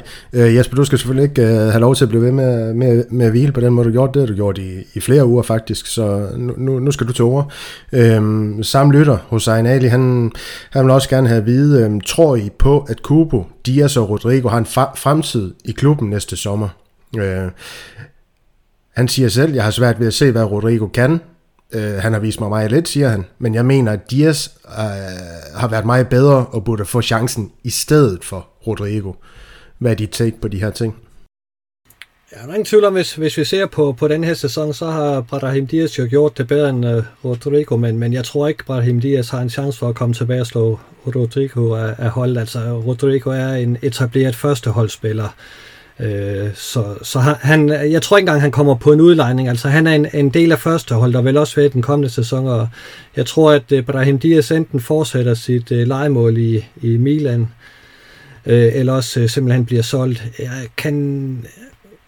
På trods af, at han har haft succes i, i AC Milan, så har jeg mere end svært ved at se ham komme tilbage til Real Madrid og slå igennem, fordi uh, han er stadigvæk en spinkel type. Uh, både øh, fysisk og, og måske også lidt mentalt. Øh, jeg tror, han har brug for den der øh, sikkerhed, han har i Italien øh, hos AC Milan, som han på ingen måde kunne få hos, hos Real Madrid. Øh, og nej, jeg, jeg tror ikke, at... Øh, hvad, og Kubo har jo, øh, hvad hedder det, udenlandsk pas, øh, så ham er der slet ikke plads til i, i Real Madrid i den kommende sæson. Øh, og, og han har jo også... Øh, lidt problemer i øjeblikket øh, hos Mallorca, både med, med skader og med sådan at, at få det op og svinge, som, som han fik i, havde det i den første sæson, han udlejede til Mallorca. Så Rodrigo er i, i førsteholdstruppen igen i den næste sæson, og det er de to andre ikke. Det er, er mit bud på, på det. Jamen fremover, lad os parkere første sektion af, lytterspørgsmål her, så hoppe videre ind i øh, næste del af quizzen. Temaet det er stadig Chendo, gutter. Øh, Christian, du får lov til at lægge ud. Og det er så en Christian og Malte, I får selvfølgelig de nemme, nemme spørgsmål her. Jesper, du, du får lov til at skal, skal grave lidt mere i gemmeren. Øh, du har lidt flere års erfaring at tage i forhold til, til netop Chendo. Øh, Christian, hvor mange mål scorede Chendo i hans Real Madrid-karriere? Og her skal jeg vide, om du vil have, have tre svarmuligheder, eller om du bare ved det. Ah, så tænker jeg lige, at vi tager svarmulighederne, bare lige for en sikkerheds skyld. Jamen, øh, scorede Chendo 0, 3 eller 5 mål for Real Madrid? Det bliver 3. Chendo, han scorede 3 mål for Real Madrid i hans karriere. Det er, det er rigtig, rigtig flot. Du har to point på konto nu, og Malte, vi, vi hopper elegant videre til dig. Øh, hvor mange kampe spillede han for det spanske landshold, den gode Chendo? Og vil du have svarmuligheder her, eller er det også bare noget, du kan? Jeg tror, jeg skal have nogle svarmuligheder. Du skal have svarmuligheder, det er så fint. Spillede Chendo 25, 26 eller 27 kampe for det spanske landshold? der er ingen, der sagde, at det skulle være nemt. nu frygter jeg, hvad jeg får af spørgsmål. Var det 25, 26 ja, eller 27 grader varmt, da han havde debut? Spil, altså spil, spillede Chendo 1, 26 eller, eller 216 kampe for det spanske landshold? Sidste gang tog jeg den i midten, så det gør jeg også nu. Jeg siger 26. Korrekt. Der var ikke så mange dækker der med det. og der Sådan. var to, to point til Malte, to point til, til Christian. Så er dig, Jesper. Jeg skal bare vide mærke på det første sæt fodboldstøvler, Chendo spillede med i Real Madrid. Så siger jeg Hummel. Nej, det skal jeg ikke, Jesper. Slap nu er så svært er det jo heller ikke. Var det Hummel? det aner jeg ikke. Var det det? Det kan sgu godt være. Nå, Chendo vandt sit sidste mesterskab med Real Madrid i, i 97, og det, det regnede du der jo faktisk også frem til i, i dit første spørgsmål i quizzen, så det passer ind perfekt den her overgang. Nævn fire af de fem hold, der, der sluttede i top 5 det år. Du kan allerede et af dem. Altså Real Madrid. Ja. 97. Nej, okay, nej, okay. Vi, vi siger 3 af 5. Jeg kan godt se, du er presset allerede nu. Så vi, vi, vi, vi siger 3 af 5 hold. Så det er kun to hold, udover Real Madrid, du skal give. Ja, jeg tror, jeg skal udenom, jeg tror, jeg skal udenom Barcelona, som en øh, kunne Valencia allerede på det tidspunkt være så stærk. Jeg tror, det er det ene af, af holdene. Jeg har faktisk ikke lige over, hvor mange gæt du skal Skal du bare have, skal du bare have 19 gæt? Så mange hold der i ligaen, eller hvad? Han falder, han falder fra, når han gætter forkert. Ej, nej, nej. Du får, du får tre gæt til gæt de to hold. Og det her, det var så forkert, så du har to gæt til gæt to hold nu. var det allerede forkert? Fedt. Ja, det var Jesper. Var Valencia ja, god i 90'erne? Har de nogensinde været gode? Ja, det har de. øhm, fanden kan det så være? Fordi jeg, jeg tror, Barcelona de havde lige en, en krise på det tidspunkt, så jeg tror faktisk, de er endt ret langt nede. Øh, hvem kan vi have? Hvem kan vi have? Så var mit næste bud, om Deportivo kunne slutte deroppe omkring er det et svar, eller er det en... Ja, en jeg lader prøve at gå med dem. Jeg går og prøve at gå med Deportivo. Du kan godt høre, det var lidt ledende, det jeg sagde. Kan jeg næsten ja. for dem. Det er fuldstændig korrekt. Det er et af de ja, fem hold ud over Real Madrid, så du har ja. to ud af de fem. Og Atletico, kunne de være... Ja, jeg prøver at gå med Atletico også. Øh. Det er også korrekt, så I alle sammen I har to point i, uh, i quizzen. Det var da helt håbløst, så nemt den var. Jeg tror, vi skal have taget svarmulighederne øh, øh, væk i det her format. Øhm, det du så ikke lige havde sådan der, der er korrekt frem til, det var, at Barcelona de skulle være nede i en bølgedal der. Det, det var de ikke. Øh, Barcelona de sluttede på andenpladsen øh, i 97, eller 96-97 sæson med 90 point. Real Madrid 92 point, så de var tæt på Real Madrid øh, ja, det, det år. Deportivo på tredjepladsen, Betis på fjerdepladsen, så Atletico Madrid sidste, øh, sidste plads i top 5. Flot, flot, gutter. Flot, flot. Ja, Jesper, du er bare glad for, at du har... Du er stadig, ja, med du er stadig lever i quizzen. Og, og, havde, og havde humle, den kommer til at tælle som... Øh... Den kommer ikke til at tælle nogen steder. Det er bare klip. ja, den kommer slet ikke med. Fedt. Nej, lige præcis. Jamen, øh, vi, vi, hopper, vi hopper videre ind i noget Real Madrid kontra FC Barcelona. Malte, øh, få synket det vand, du er i gang med, og, og koncentrere dig. Øh, siger 2245 via Instagram vil gerne vide, og der er en kontekst til det spørgsmål her, jeg ved ikke, om du har læst det, du plejer ikke at forberede det, så har du, det har du nok ikke. Barcelona, de har nogle spændende unge spillere i, for eksempel Fati, øh, nogle de mener også Gavi, han er spændende, øh, og, og en Dest bringer han også på bord, øh, der godt kan volde Real Madrid problemer om nogle år, skal jeg sige. Synes I, eller synes du, at Real Madrid har et hold, eller kommende, der kan svare igen til den tid? Om nogle år, ja. Øh, først og fremmest så vil jeg kunne nævne Fati som spændende af de tre spillere der. Jeg synes, øh, det kan godt være, at der er noget potentiale i Dester. Han har nogle hurtige små rappefødder, men jeg har godt nok også set ham være altså, fuldstændig katastrofal forsvarsmæssigt, og Gavi, altså hvad, hvad er det for noget random noget, at han bare lige pludselig er, er inde omkring topfodbold, det, det forstår jeg slet ikke. Jeg tror, ham tror jeg ikke, jeg vil overveje som en, øh, en fremtid, så lad os forholde os til, til Fati her, inden vi ved mere. Øh, han er selvfølgelig et kæmpe, kæmpe talent. Øhm, jeg ved ikke lige, har vi nogen på...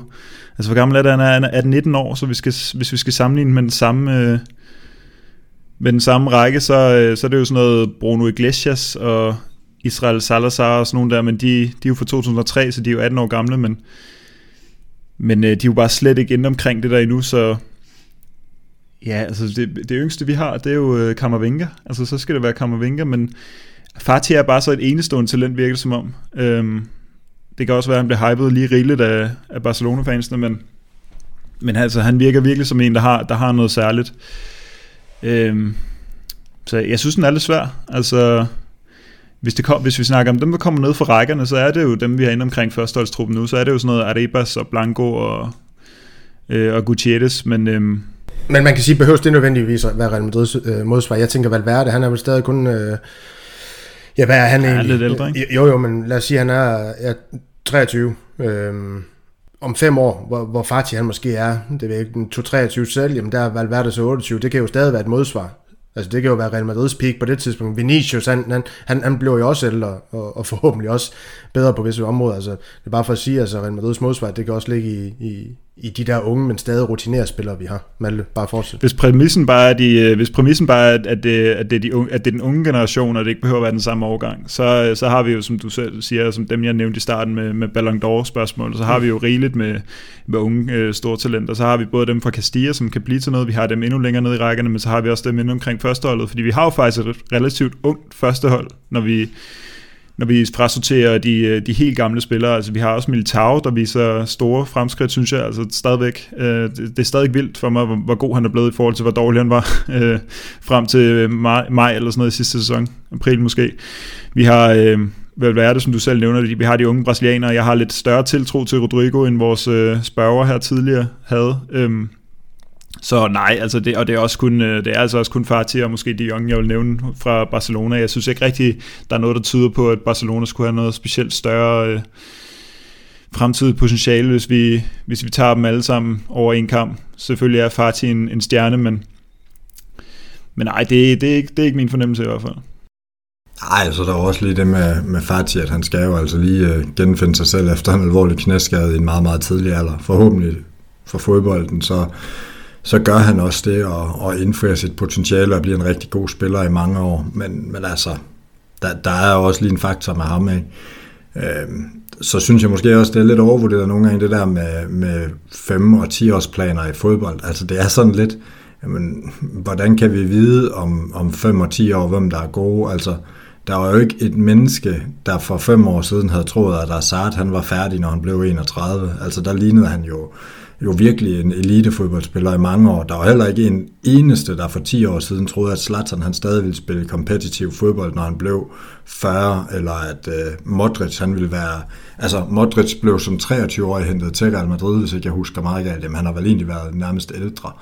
Og, og, og han løber nu og er 35, og, og spiller som en af de bedste, og han var på vej til at være et kæmpe flop. Altså nogle spillere, de udvikler sig bare på andre tidspunkter end andre.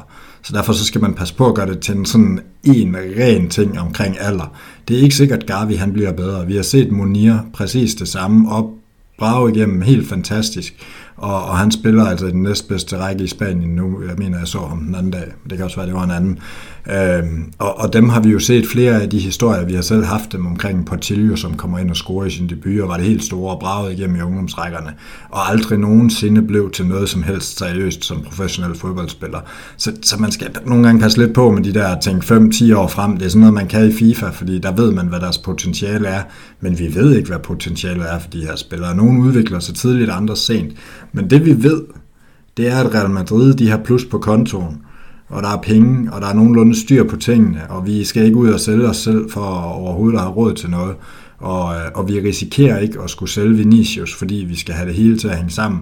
Det vil jeg være rigtig bekymret for, hvis jeg var Barca-fan.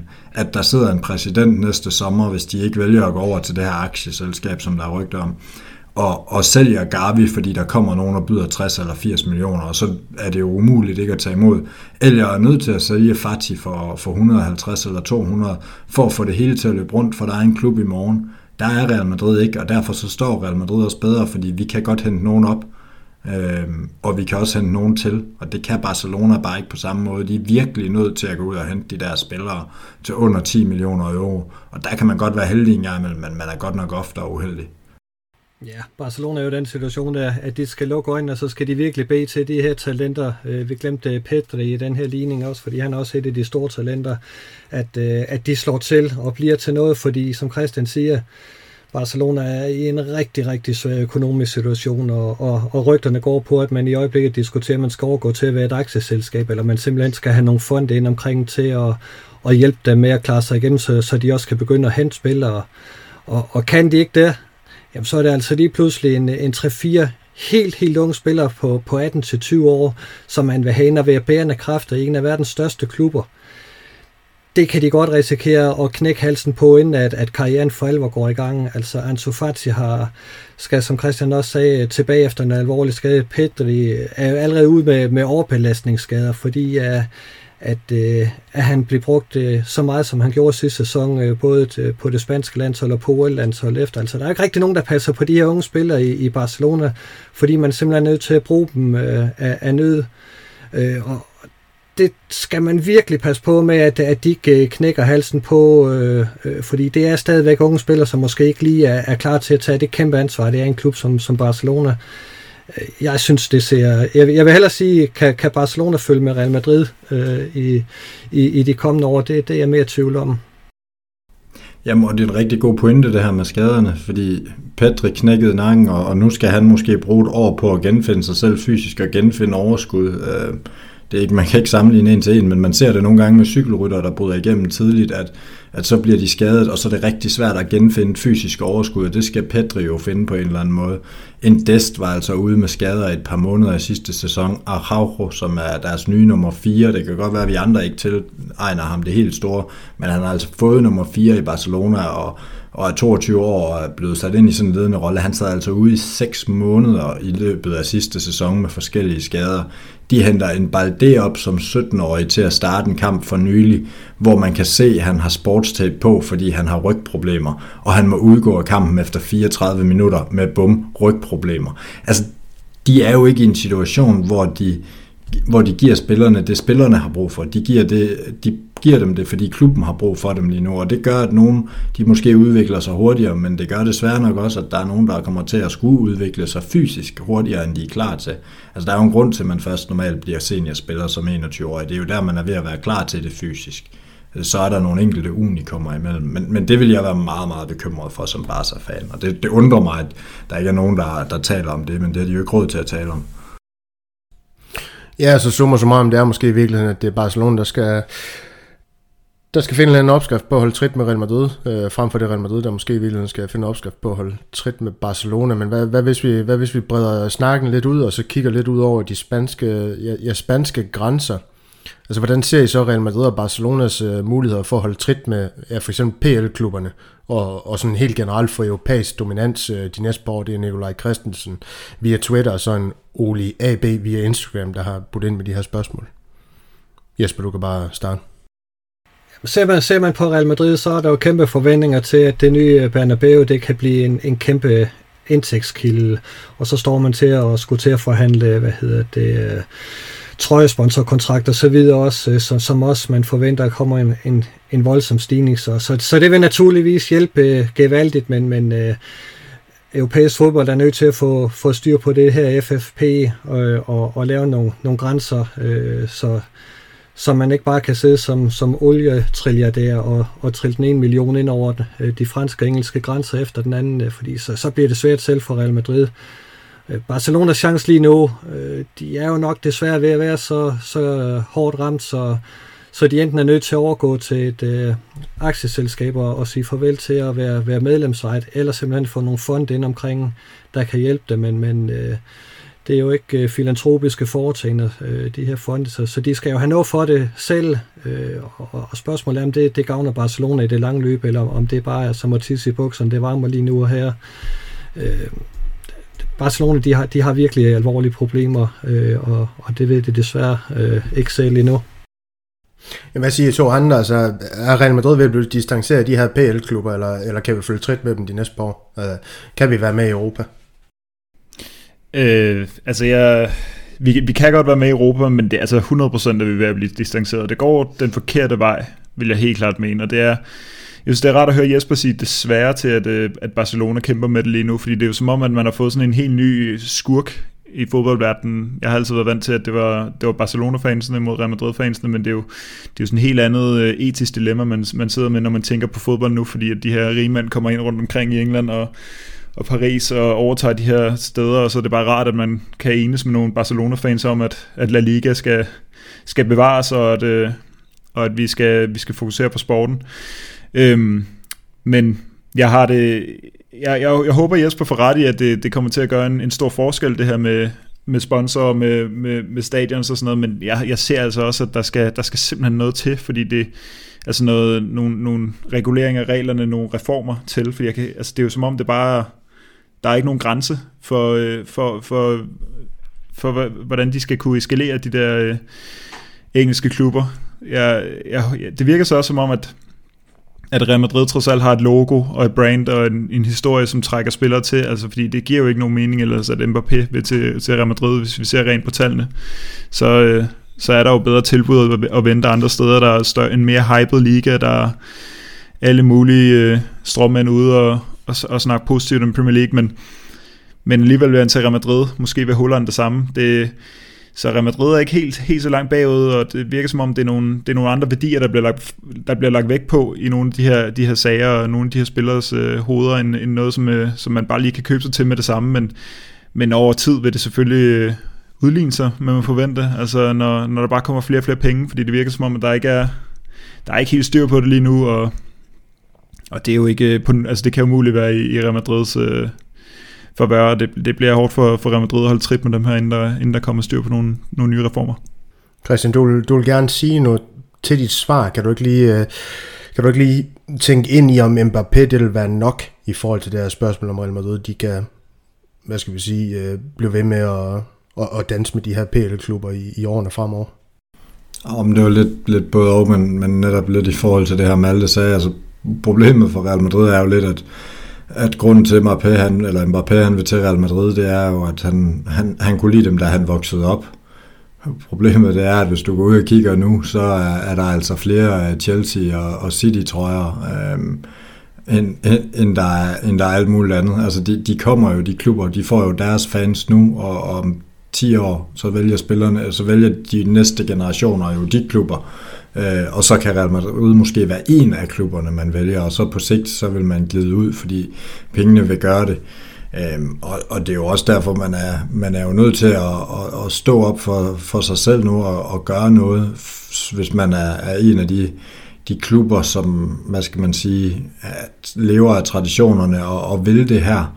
Øhm, så er man jo nærmest nødt til på et eller andet tidspunkt at melde sig ud og så sige, at vi er ikke med i det der. Altså det, det, det er vi ikke med i, så må I lave jeres egen, hvad skal man sige, der var alt muligt omkring, at øh, ESL, det var Super League, det var Money League og alt muligt, men faktum er jo, at, at de klubber, der, der ellers kommer til at dominere, det bliver jo netop bare ren Money League. Øh, og, og man kan jo se det, Newcastle, der bliver overtaget nu, jamen de har jo gjort det geniale i forhold til at gøre sig klar til et øh, køb af en, af en rig ejer, at de ikke har brugt penge de sidste tre år. Det vil sige, at øh, ejeren han har nu tre år til at fyre den af, indtil der kan begynde at komme noget financial fair play, og er han rigtig heldig, så er klubben nået at kvalificere sig til Champions League og, og få gang i den, og så... Øh, og der har været en, øh, en vækst i, i det generelle, og så, så går det hele alligevel lidt ligesom da PSG de øh, brændte pengene den samme sommer, at, at så skete der nogle ting over noget tid, og så, så er det ikke et problem med financial fair play, fordi det først straffer efter tre år.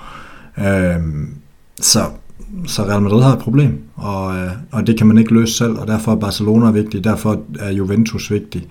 Øh, derfor fatter jeg heller ikke, hvad Inter laver, hvorfor de ikke, øh, de ikke er med i det her, og jeg forstår heller ikke, at Atletico Madrid ikke er med på det her. Altså, det handler om at, at stå op for hinanden, og jeg kan faktisk også godt have svært ved at se, hvorfor nogle af, af de franske klubber, Lyon for eksempel, ikke er med på det her, og jeg har også svært ved at se, hvad det er, en klub som Bayern München vil opnå ved at, ved at sige, at vi vil stå uden for alt det her, vi vil ikke blande os i alt det her. Mm, det er fint nok, men så, så bliver I bare kun store i Tyskland, fordi det går altså den samme vej der. Øh, de kommer heller ikke til at kunne konkurrere. Øh, så jeg undrer mig over, at man ikke kan, kan samles imod det her, men, øh, men det virker, det er åbenbart sværere end, end som så. Enig i andre. Ja, ja fuldstændig. Det, det, det er jo lidt på sømmet. Nu læser jeg så lige, at der var nogle rygter om, at, at ham, der har købt Newcastle også pynser på at købe Inter, så det kunne godt være, det havde noget med det at gøre, men det ved jeg så heller ikke lige, hvor, hvor gode de rygter er. Ja, men begge hold, de spiller jo striber. Øh, forskellige farver godt nok, men øh, det, det kunne da godt være, han, han, han lavede til at have penge nok. Øh, ham fyren, der har, har hentet i Newcastle, men, men er rygterne rigtigt om, at øh, han hentede Mariano, fri Real Madrid for Mariano, så, så flere af den slags. Nej, det mener jeg selvfølgelig ikke. Det er, det er en skandale, at den slags de kommer ind i fodbolden. Jeg er også på linje med dig, Christian. Så. Men øh, lad os parkere den der, så, så øh, skal vi have afsluttet den her quiz, inden vi hopper ud i noget, noget gættelejr, noget kigge i krystalkuglen, som, som afrunding på, på den her podcast. Øhm, og den sidste del af quizzen, det bliver den her, hvor I skal øhm, gætte spillere efter hinanden. Ikke? I kender formatet. Jesper, du starter, mm-hmm. når det er. Så Malte, så Christian. Vi, øh, ej, det var faktisk løgn. Jesper, du starter ikke. fordi du har jo en automatisk fordel, fordi du er Pernilles gammelfar. Så Malte, du får lov til at starte. Øhm, men der er noget forhistorie til selve, det vil sige, vi skal i gang med Chendo, han spillede ifølge Real Madrid.com og alle mulige andre steder 497 officielle kampe for Real Madrid. Det, det placerer ham naturligvis højt på listen over spiller med flest kampe for verdens største fodboldklub, men 14 spillere overgår ham. I skal bare på skift fortælle mig hvem. Den, der rører første svinge, får et point her. Nummer to får to point. Og den, der er sidst tilbage, får tre point. Ikke? Øh, og min kilde til alt det her, det er selvfølgelig stensikret Wikipedia, uover Manchentos 497 kampe. Så tag det for god varer, de 14 andre, der, der er over ham. Hvad siger du, Christian? Er det uh, La Liga, eller var det generelt? Det er generelt. Okay. For, formoder jeg. det, kan, det, det kan Jesper jo så korrigere med, hvis der skulle være et eller andet der, formoder jeg. Men øh, vi, skal, vi har 14 spillere, øh, og på et eller andet tidspunkt, der må der jo skride ind i svinget, men du får lov til at lægge ud. Er der, kan du en, der er over, over du her? Jeg siger Raul. Ah, jo, han er over. Han er over. Og han lægger også nummer 1. Så Christian, det er dig nu. Så siger jeg Ika Casillas, så Jesper ikke skal. Og han var nummer to på listen. Jesper, nu, øh, nu ved jeg ikke, om du er i vanskelighed allerede. Nej, jeg tror jeg godt, jeg Ej. kan komme i mål med Cristiano Ronaldo.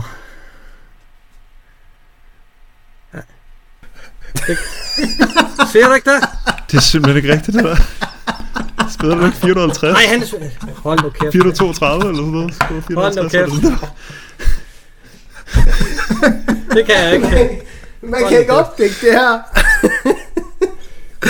Det er bare til lytterne, det er ikke noget, han gør med vilje. nej, jeg er bare gammel og træt. Gud kan han sgu nej, han nåede sgu da ikke... Uh... Jesper, du uh, er nødt til at sige, at den her gang, der er det bare kold og kynisk, der er du ude. Øhm, ja, øh, Men jeg ved ikke, om du har samlet der kan... Måske kan komme med et uh, lige så godt bud, eller måske endda bedre i virkeligheden, Cristiano Ronaldo, der ikke har spillet flere kampe end Gendo. Der findes ikke bedre bud. Uh, men uh, jeg kan sige, uh, jeg kan sige Manolo Sanchez. Det er nemlig, hvem er dem? Uh, ja, Sønneke. Cool, det er nemlig rigtigt. Så, øh, så siger jeg Sergio Ramos. Det er sjovt, de har taget dem, og Raul først, Casillas, og så er det Sanchez og Ramos. Sidder I med listen foran jer, eller hvordan? Nej, nu er det Santillana nummer 6, er det ikke? jo, jo, det er det nemlig det. Åh, oh, det var en presbal. Ja, men jeg siger uh, Fernando Hierro, han må være højere. Ja, det er da utroligt. Han kommer så efter Santillana. Yes, Jesper, det er sådan, Skal jeg lige se, hvad gram nummer 9? Det kunne være, ja, det... det kunne være bladet. Jeg siger Camacho. Men Camacho han er også på listen. Og så er der så en imellem Camacho og Hierro. Så siger jeg Marcelo. Hvis vi ja, Marcelo, der. han er også på listen. Han er også på listen. Carlos, Roberto Carlos. Mm, ja, han er sidste mand på listen, men han er der. Puh, ja. Nu begynder den at, nu begynder den at skrabe på. Så... Og jeg er ikke sikker på den her, men Butragenio. Butragenio, han er ikke på listen. Og spiller i hvert fald, der har spillet flere kampe end Gendo. Som alt det, det betyder var, jo... Var øh, Salgado på, havde det været rigtigt? Ben, Benzema mangler vi. Nej, Salgado har heller ikke været rigtigt. Oh, Benzema er der, Malte, det er rigtigt. Ja. Øhm, Gucci, også på listen. Øh, Rento er der. Piri. Ja, selvfølgelig. Og Christian og, og Jespers øh, højrekant, Kelledække, er der også. Retafes træner. Eller det er han jo så ikke længere, undskyld. Michel. Så der var stadig spillere at tage af, men øh, sejren den går til, til Malte. Jeg kan, ikke, jeg kan ikke joke et eller andet åndssvagt med, det var første gang, fordi det er det jo ikke, Malte. Det, det er efter en vane, at du, du, du løber med dem her. Øh, jeg skal få noget af en måde at knække dig på. Men uh, Christian, du, uh, du kommer ind på en anden plads i dag, og der er jo ikke noget overraskende. Nej, det uh, den er sikker. Hold nu kæft. At Jesper han stempler ud, når der skal. Ja, det er smukt. Det er smukt, Jesper.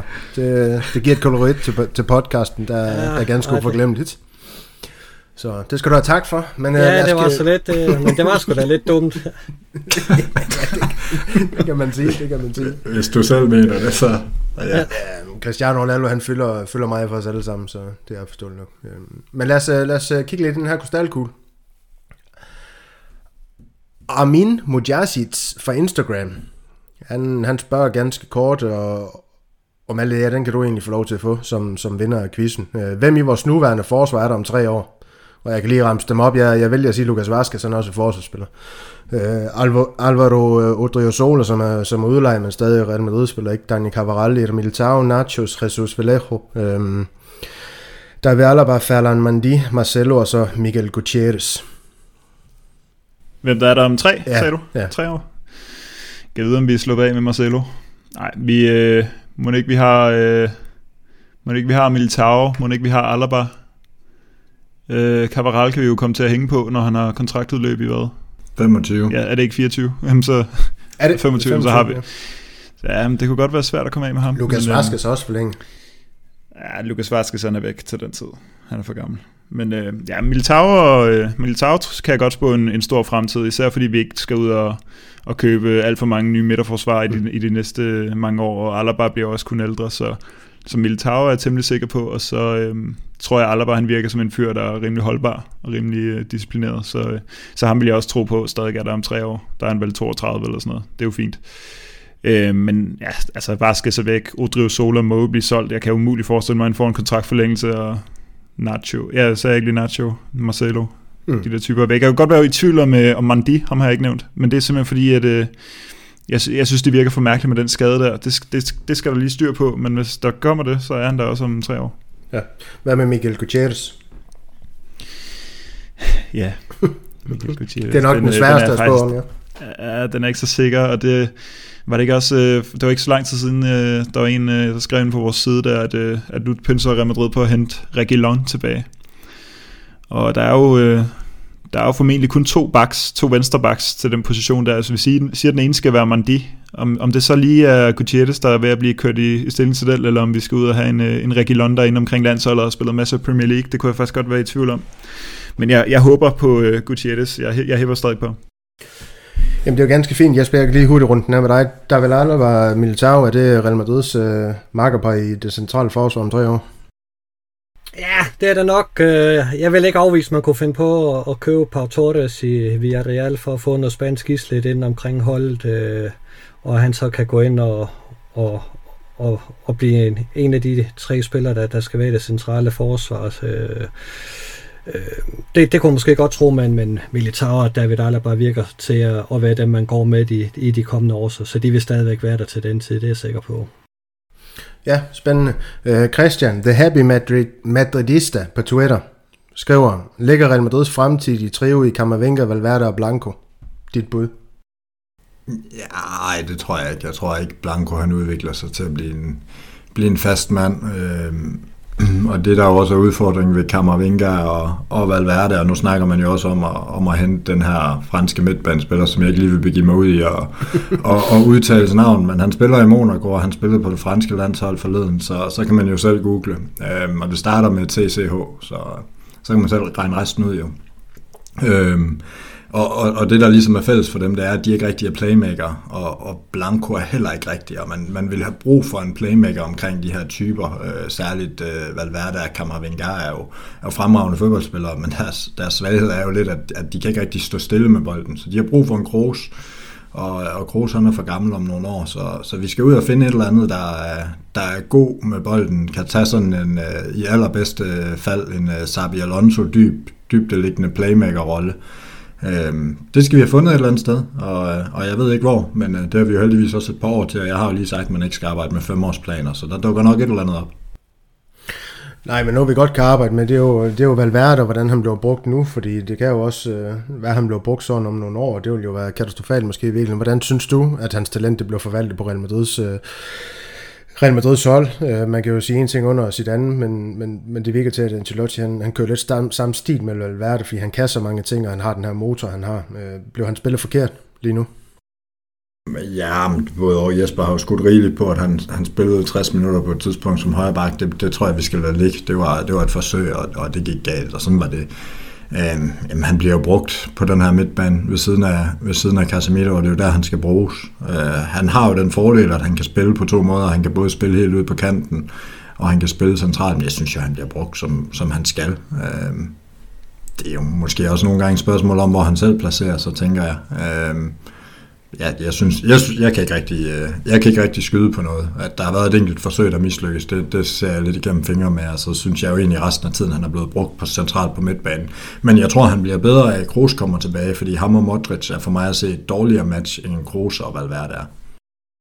Ja, spændende. Det skal blive spændende at se, om de to de kan spille sammen på den centrale midtbane øh, i den her sæson. Øh, lad os, lad os hoppe videre, Malte. Du, du berørte det her lidt til at starte med faktisk i podcasten, så der gider jeg egentlig ikke høre på Jesper, derfor vender jeg blikket med dig. Øh, Dennis Ertz ind på Instagram, han skriver, vinder, vinder Benzema Ballon d'Or, så kan du måske tænke lidt ind i, hvem hans største kon- konkurrent også er til titlen, for at få lidt ja, refleksioner med ind i det hele. Ja, det gør han desværre ikke. Han er den bedste spiller i øjeblikket, men, men øh, der skal lidt større titler til, og lidt flere titler, end, end det han har vundet. Øh, så, så det bliver nok øh, Jorginho, der, der er stor favorit til det. Det, det, det tror jeg umiddelbart. Måske Messi, fordi han nåede at vinde Copa America, øh, er også et bud. Jeg, jeg tror ikke, at øh, Benzema når helt op, men, men øh, han, øh, han kunne godt fortjene det, fordi han, han er ganske fremragende. Er der ikke også noget med statistikker, sti, statistikker så statistikker er selvfølgelig en ting, og, og titler, men også vigtighed. Altså, der er jo nogle parametre, de skal dømme på de her journalister, og, og, hvad, og godt folk, der nu ellers øh, stemmer, spiller og anfører. Øh, ja, hvad der nu får lov til at stemme. Altså, Benzema, piller du ham ud af Real Madrid, jamen hvad så, ikke? Øh. Jo, men helt bestemt. Øh, han, han er en, en verdensklassespiller, der, og, og en af de absolut bedste, men jeg tror bare, han er kommet for sent i gang med at vinde de her titler her. Han har nu fået et, et mesterskab med Real Madrid, så er hans chancer set, set helt anderledes ud. Øh, jeg tror, han, jeg tror desværre ikke, han når helt i mål. Selvom Super. jeg godt kunne ham der. Ja, det, det, det tror, jeg, tror jeg, vi alle kan, der, der sidder her i hvert fald. Han har, han har nogen øh, fortjent at løfte den øh, guldbold overhovedet, det har han sgu. Det, den gode Karim. Øhm, Christian, når du godt kan lide at dvæle over her, Thomas Hartmann øh, via Twitter. Hvilken rolle øh, spiller Benzema i forhold til at få Mbappé til Real Madrid? Han har jo selv luftet lidt omkring det i forskellige interviews, den, den gode Benzema, at øh, han, han render lidt og, og kæler for, for Mbappé til de forskellige landsholdssamlinger. Jo, men selvfølgelig prøver han at lokke, lok en god spiller til Real Madrid, sådan er det jo ligesom andre prøver at Ja, du snakker om, de her spillere, de snakker sammen indbyttes, så det er derfor, du fik spørgsmål. Ikke? Altså, det plejer at være dig, at stå og slå på. Jamen, det, jamen, det ved jeg godt. Det, det, det, det, tror jeg da også på, at, at det gør, ligesom jeg tror på, at øh, Ødegaard det ikke var fordrende i forhold til at få Holland til Real Madrid. Så tror jeg da, at Benzema det er, det bestemt hjælper på det. Øh, det virker jo som om Mbappé han, han godt kan lide Benzema og, og lidt ser ham som en eller anden øh, form for storebror. Han er jo han har jo nærmest allerede delt flere forskellige positive ting med, med Benzema, end, øh, end han har gjort i, i 4-5 år med Neymar og i, øh, og i, i 5 måneder med, med Messi. Så, så det virker jo som om, at han er, han er glad for Benzema, som om han lidt ser ham som en eller anden form for mentor. Det kan man da kun håbe, at, øh, at det virker, men, øh, men altså, ja, lad os nu se. Jeg, øh, jeg vil stadigvæk gerne hen til, at øh, Mbappé han har signet med Real Madrid, for jeg vil sige, at det, det er afgørende på nogle måder, fordi jeg, jeg gruer altså stadig lidt for den der. Jeg ved godt, at Jesper han sidder og smiler ved sit øh, uh, Mbappé-baggrund, som lytterne ikke kan se, men altså, jeg, jeg, jeg skulle se det smil stivne lidt for mange gange efterhånden til, at jeg helt, uh, at jeg helt tør tro på det. Ja, men det var derfor det her segment, vi er i gang i nu, det hedder Krystalkuglen. Så det handler også lidt om at, at skal forholde sig lidt til de her ja, hvad kan man sige, gissning og, og, og sådan nogle ting, der, ja. der er omkring, omkring og de her ting. Vi kan jo håbe, at, øh, at Jesper han er bedre til at kigge frem, end han er til at kigge bagud i quizzen. ja. det, det tror jeg bestemt ikke, han er, men det, det lad os det er lad, ikke noget, der tyder på. Komme, ja, lad os lad tvivlen komme, komme Jesper til gode her. Øh, Malte, dig sidst her, samme lytter, øh, Thomas Hartmann. Kommer Zidane tilbage til Real Madrid som træner, eller slutter han sin trænerkarriere med det franske landshold? Hvad er dit bud? Oh, den, den er svær at spørge om. Øh, om, om han stopper efter det franske landshold, som han ikke engang har. Øh, jeg kunne godt forestille mig, at han på et tidspunkt kommer tilbage til Real Madrid, hvis jeg skal være helt ærlig. Fordi øh, trænerne holder ikke så længe, og han kan måske komme ind og lige tage et par sæsoner, og så ja, det kunne jeg godt forestille mig. Jeg ved ikke, hvornår man stopper karrieren. Jamen blev han sådan en, en, en slags brændslukker? Nu kan jeg ikke huske, hvad han hedder ham i Valencia, der også kommer ind, når de fyrer træner. Øh, Jesper, det kan være, du kan hjælpe her. Du har jo et rigtig, rigtig solidt forhold til, til Valencia. Jeg kan ikke huske, hvad, hvad træner han hedder, når, når de plejer at, at fyre, men så, så, så ansætter de sådan en brændslukker. Altså, kommer Zidane til at være det for, for Real Madrid? Sådan en overgangsfigur til en anden træner, det er nok der, jeg vil hen. Ja, men det lyder lidt negativt, når det er sådan en overgangsfigur. Så er det som om, man skal bygge... Øh, altså, det kunne godt lyde lidt som om, man bygger spillet op til den næste mm. i, øh, i rækken. Altså, jeg, jeg kunne godt forestille mig, at han... Øh, at hvis, at hvis der kommer krisestemning i Real Madrid, og, og spillet ser, ser hæsligt ud, og spillerne mister selvtillid, så kan en, en type som Zidane komme ind og få noget ud af, af, det, af det spillermateriale, ligesom er for hånden. Det har han jo vist. Øhm, Ja, men, men jeg, ved ikke, altså jeg ved ikke helt, hvordan funktionen skulle være. Altså om det bare skulle være indtil han så selv siger stop igen, og så, øh, så må man kigge sig om efter en ny. Altså det kommer også lidt an på, hvordan planerne kommer til at være, og altså om man, øh, om man begynder at lægge en sportslig plan, fordi det har jo, altså der har sgu lidt været mangel på de der oplagte trænere hen til Real Madrid, synes jeg, i de sidste, sidste par år, øhm, og vi har været rigtig heldige, at Zidane har taget den rolle der, men jeg er også, øh, han er også en stolt mand, ikke? Øh, Zidane, så er det også øh, spørgsmålstegn om det er noget, han selv, han selv vil. Han, han ynder jo at, at stoppe på toppen, og øh, hvis han kan fornemme, at det, det, er, det er et hul at hoppe ned i, så tror jeg heller ikke, han, han nødvendigvis bare hopper tilbage. Men, men ja, altså hvis jeg skulle gætte, og det er ja nej, så tror jeg godt, han kunne komme tilbage og, og tage sådan en chance på et tidspunkt igen. Ja, spændende. Så mener jeg det. Er det ikke Vodo, han hedder ham der fra Valencia, jeg snakker om? Det gør han. Øh, så der var et eller andet i erindring, der, der spiller mig pus i hvert fald. Men, men tak fordi I lå mig hænge alle sammen, øh, da, jeg, da jeg snakker om det. Det var rigtig, rigtig dejligt. Så kan lytterne også få, få det med. Øhm, sidste punkt på, på den her agenda, no gættelej, det er Thomas øh, Kibæk Jensen via vores Madridist.dk podcast øh, Facebook-side. Og han vil gerne lege Football Manager, åbenbart 2022. Øh, hvis vi leger det, og I kunne købe fem spillere, hvem skulle det så være? Han antager, at hele panelet er enige om, at Mbappé og, og Haaland øh, burde købes. Så, så tre spillere til vores nuværende trup. Øh, er det noget, I, I kan for hoften, eller vil I bare have, have, have et bud på én hver, så vi fordeler de tre til, ud på jer. Jeg har tre. Du har tre.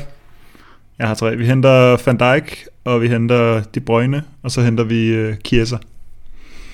Højre kanten, central forsvar, og så De Bruyne, fordi han er god. Der kan jeg godt mærke, at mine, mine testikler, de er lige, de, de er lige vredet så lidt, da du sagde Van Dijk. Men Jesper, dit bud på, på, på tre spillere, Real Madrid, de, de burde hente ud over Mbappé og Holland. Du kan jo godt lide at lege football manager i øvrigt. Må jeg, ikke, må jeg ikke pisse Jesper af, og så bare sige, at vi henter Salah, så vi også får en højre kant? jo, og, og, så skal vi have Klopp ind som træner, ikke også? Robertson på Vestervej. det er verdensklasse. Nå, hvad siger du, Jesper? Jamen, øh, jeg, jeg tror, man kunne finde på at, at, at finde ud af, at, øh, at vi mangler en på højre bakken, og der synes jeg, at Pedro Porto virker som et, et godt bud. Og så kunne jeg også godt forestille mig, at Pau Torres øh, er, er højt på listen, for jeg synes også, at vi mangler en i det centrale forsvar, fordi Nacho måske ikke øh, holder så meget længere, og, og hvad hedder han... Øh, Jesus Vallejo slet ikke er et, er et emne, så, så Pau Torres og Pedro Porto for at få et øh, øh, lidt spansk islet ind på, på holdet, og, og så har jeg faktisk øh, så har jeg en, som, som, øh, som måske er lidt overraskende for de fleste, men, men øh, den lille Donny op i Manchester United kunne jeg faktisk godt tænke mig at se i Real Madrid. Donny van de Beek. Spændende, spændende bud på en spiller, der i hvert fald kan sætte uh, spillere som Blanco og Arribas med i periferien på Real Madrids første Ja, nej, men, men, men jeg tænker, at Real Madrid mangler en, en målsøgende midtbanespiller, øh, øh, som, som kan komme ind i feltet. Øh, og det synes jeg, han viste i Ajax, at, at han var god til. Det har han ikke fået lov til i Manchester United. Han er en spiller, som man vil kunne hente relativt billigt, fordi hvis øh, og så frem til Mbappé og Haaland kommer, så har vi også taget et ordentligt hug i, i, i budgettet, øh, så skal vi have nogle, nogle spillere, der er lidt, øh, lidt billigere. Der, der tror jeg faktisk godt, Donny van de Beek er, er, er bedre end, øh, end det, han ikke får lov at vise Manchester United. Og så trænger La Liga generelt til en god hollænder. Gan, ganske spændende en reflekterende Jesper, når det kommer til transfer. Han, der bliver tænkt ting den her gang. Det, det kan jeg godt lide, Jesper. Det er ikke noget, vi skal, ligesom når vi skal forudse truppen til de, til de forskellige sæsoner, hvor det, der går lidt for meget fodboldmand i den, måske i virkeligheden for dig. Øh, Christian, uover Mo Salah, hvem skal så til Real Madrid? Ej, det var nu også, det var nu også et spøg, men, men en spiller som, og nu, nu tænker jeg lidt, hvis Holland heller ikke kommer, det, det tvivler jeg på, og vi, og vi ved jo heller ikke med Mbappé, så, så bliver nu lige, vi legede med tanken, at de ikke kom, så, så tænkte jeg, at en spiller som Oya Sabal, han var, han var en, Real Madrid godt ville, øh, ville kunne kigge efter. Han, øh, han kan også spille den her højre kant. Men generelt skal vi jo i den grad kigge på, på, på nogle ting til højre, til højre flanken, og så har vi jo tidligere været inde på ham her, Pedro Porto, som, som jo er et, er et okay bud. Øh, jeg tror ikke, vi skal forvente det store til midterforsvaret, om end I nævner nogle, nogle halvdyre herrer, der, der skal vi måske nærmere hente noget ungt, og så, så skal vi måske faktisk kigge lidt på en reservekeeper på et tidspunkt, men, øh, men, men jeg vil bare smide over jeg så bare lige puljen, der har været mange navne nævnt, og, og, og han er måske et af de sådan mere realistiske og, og også interessante for Real Madrid. Han er, han er jo egentlig en, en ganske habil fodboldspiller, må vi sige. Men Malte, jeg kunne lige, lige inden vi, vi, vi går videre til afrundingen, så selvfølgelig er det kedeligt for lytteren, fordi så, så slutter den her smukke snak, vi er i gang i. Øhm, du nævner ikke Paul Pogba, som er på fri transfer i, i, i 2022. Du nævner Kevin De Bruyne. Er det fordi, at du er bange for, hvad Jesper han, han siger efterfølgende, eller er, er det med, med hjerte, du vælger der? Jeg, jeg troede, vi havde præmissen, at vi bare kunne hente hvad, hvad som helst det, i hele det verden. Kunne du også, fordi, det kan du også. jamen så... Øh, ej, Pogba tror jeg aldrig, jeg kommer til at hippe på, kommer til Real Madrid. Jeg kan heller ikke lide Pogba, men ikke af samme grund som, øh, som Jesper, tror jeg. Jeg synes bare, han er en, jeg synes bare, han er irriterende. Altså, men, øh, men øh, jeg tror, hvis han kommer til klubben, så tror jeg, han kan gøre meget godt for os. Men, øh, men nej, det er ikke, det er ikke mit, øh, det er ikke mit håbekøb, det må, det må jeg sige. Lige så, lige så lidt som Neymar. Vi er da helt enige om, at Pogba er irriterende. Det er da helt utroligt, så irriterende han er. Så, så det er vi da fuldstændig enige om. Inden, inden den her podcast den kommer ud på et sidespor, så kan det være, at vi, vi skal få, få rundt hele snakken af med mindre, at de sidder inde med, I brænder ind med et eller andet, men det, det formoder jeg ikke gør. Christian han nikker, han, han vil også gerne i seng. Jeg kan se, at hjemmeplejen er i gang med at rykke i Jesper faktisk. Så Jesper han skal også til et put, så lad os, lad os få den her snak af, og så, så skal der lyde stor tak for de helt igennem mange fantastiske spørgsmål. Det håber jeg, I tre andre I er enige. Vi har været godt rundt omkring øh, Real Madrid i den her snak, og også nogle i virkeligheden andre ting, også Barcelonas øh, situation og så videre. Øh, jeg håber, lytterne er tilfredse med det output, der kommer af de spørgsmål her. Eller så må I jo ret henvendelse til de andre. I kan finde deres mails ind på matadist.dk, hvis der I er utilfredse med dem. Behøver ikke ret henvendelse til mig. Det er det, jeg har at gøre med. Og så selvfølgelig en særlig stor tak til Jens, Jannik og Sebastian for at støtte vores virtuelle projekt via vores mobile paybox. Men også tak til alle andre, der er med på den her virtuelle rejse og gider bruge øh, jeres dyrebare tid på at lytte til os. Det sætter vi ganske stor pris på. Og så vil jeg som altid slå et slag for vores øh, forskellige SoMe-platforme. Ikke et ord, jeg er vant til at bruge, men øh, vi er på Instagram, vi er på Twitter, vi er på Facebook to steder, og så er vi også, har vi også et forum inde på matadist.dk, hvor man kan deltage i debatten og være med til at faktisk også give karakter efter kampene. Der, der sørger jeg for, at der kommer en, et længere skriv ud hver måned om, så, øh, om måneden spiller undskyld. Øhm, så det kan I jo deltage i der. Og så husk, at hvis I vil støtte det her virtuelle projekt, så foregår det via vores mobile paybox nummer. Det er 1630WV, og det var 1630WV. Det var alt for den her gang. På gensyn næste uge, Madridistas, hvor det faste format igen er tilbage. Alla Madrid. En nada.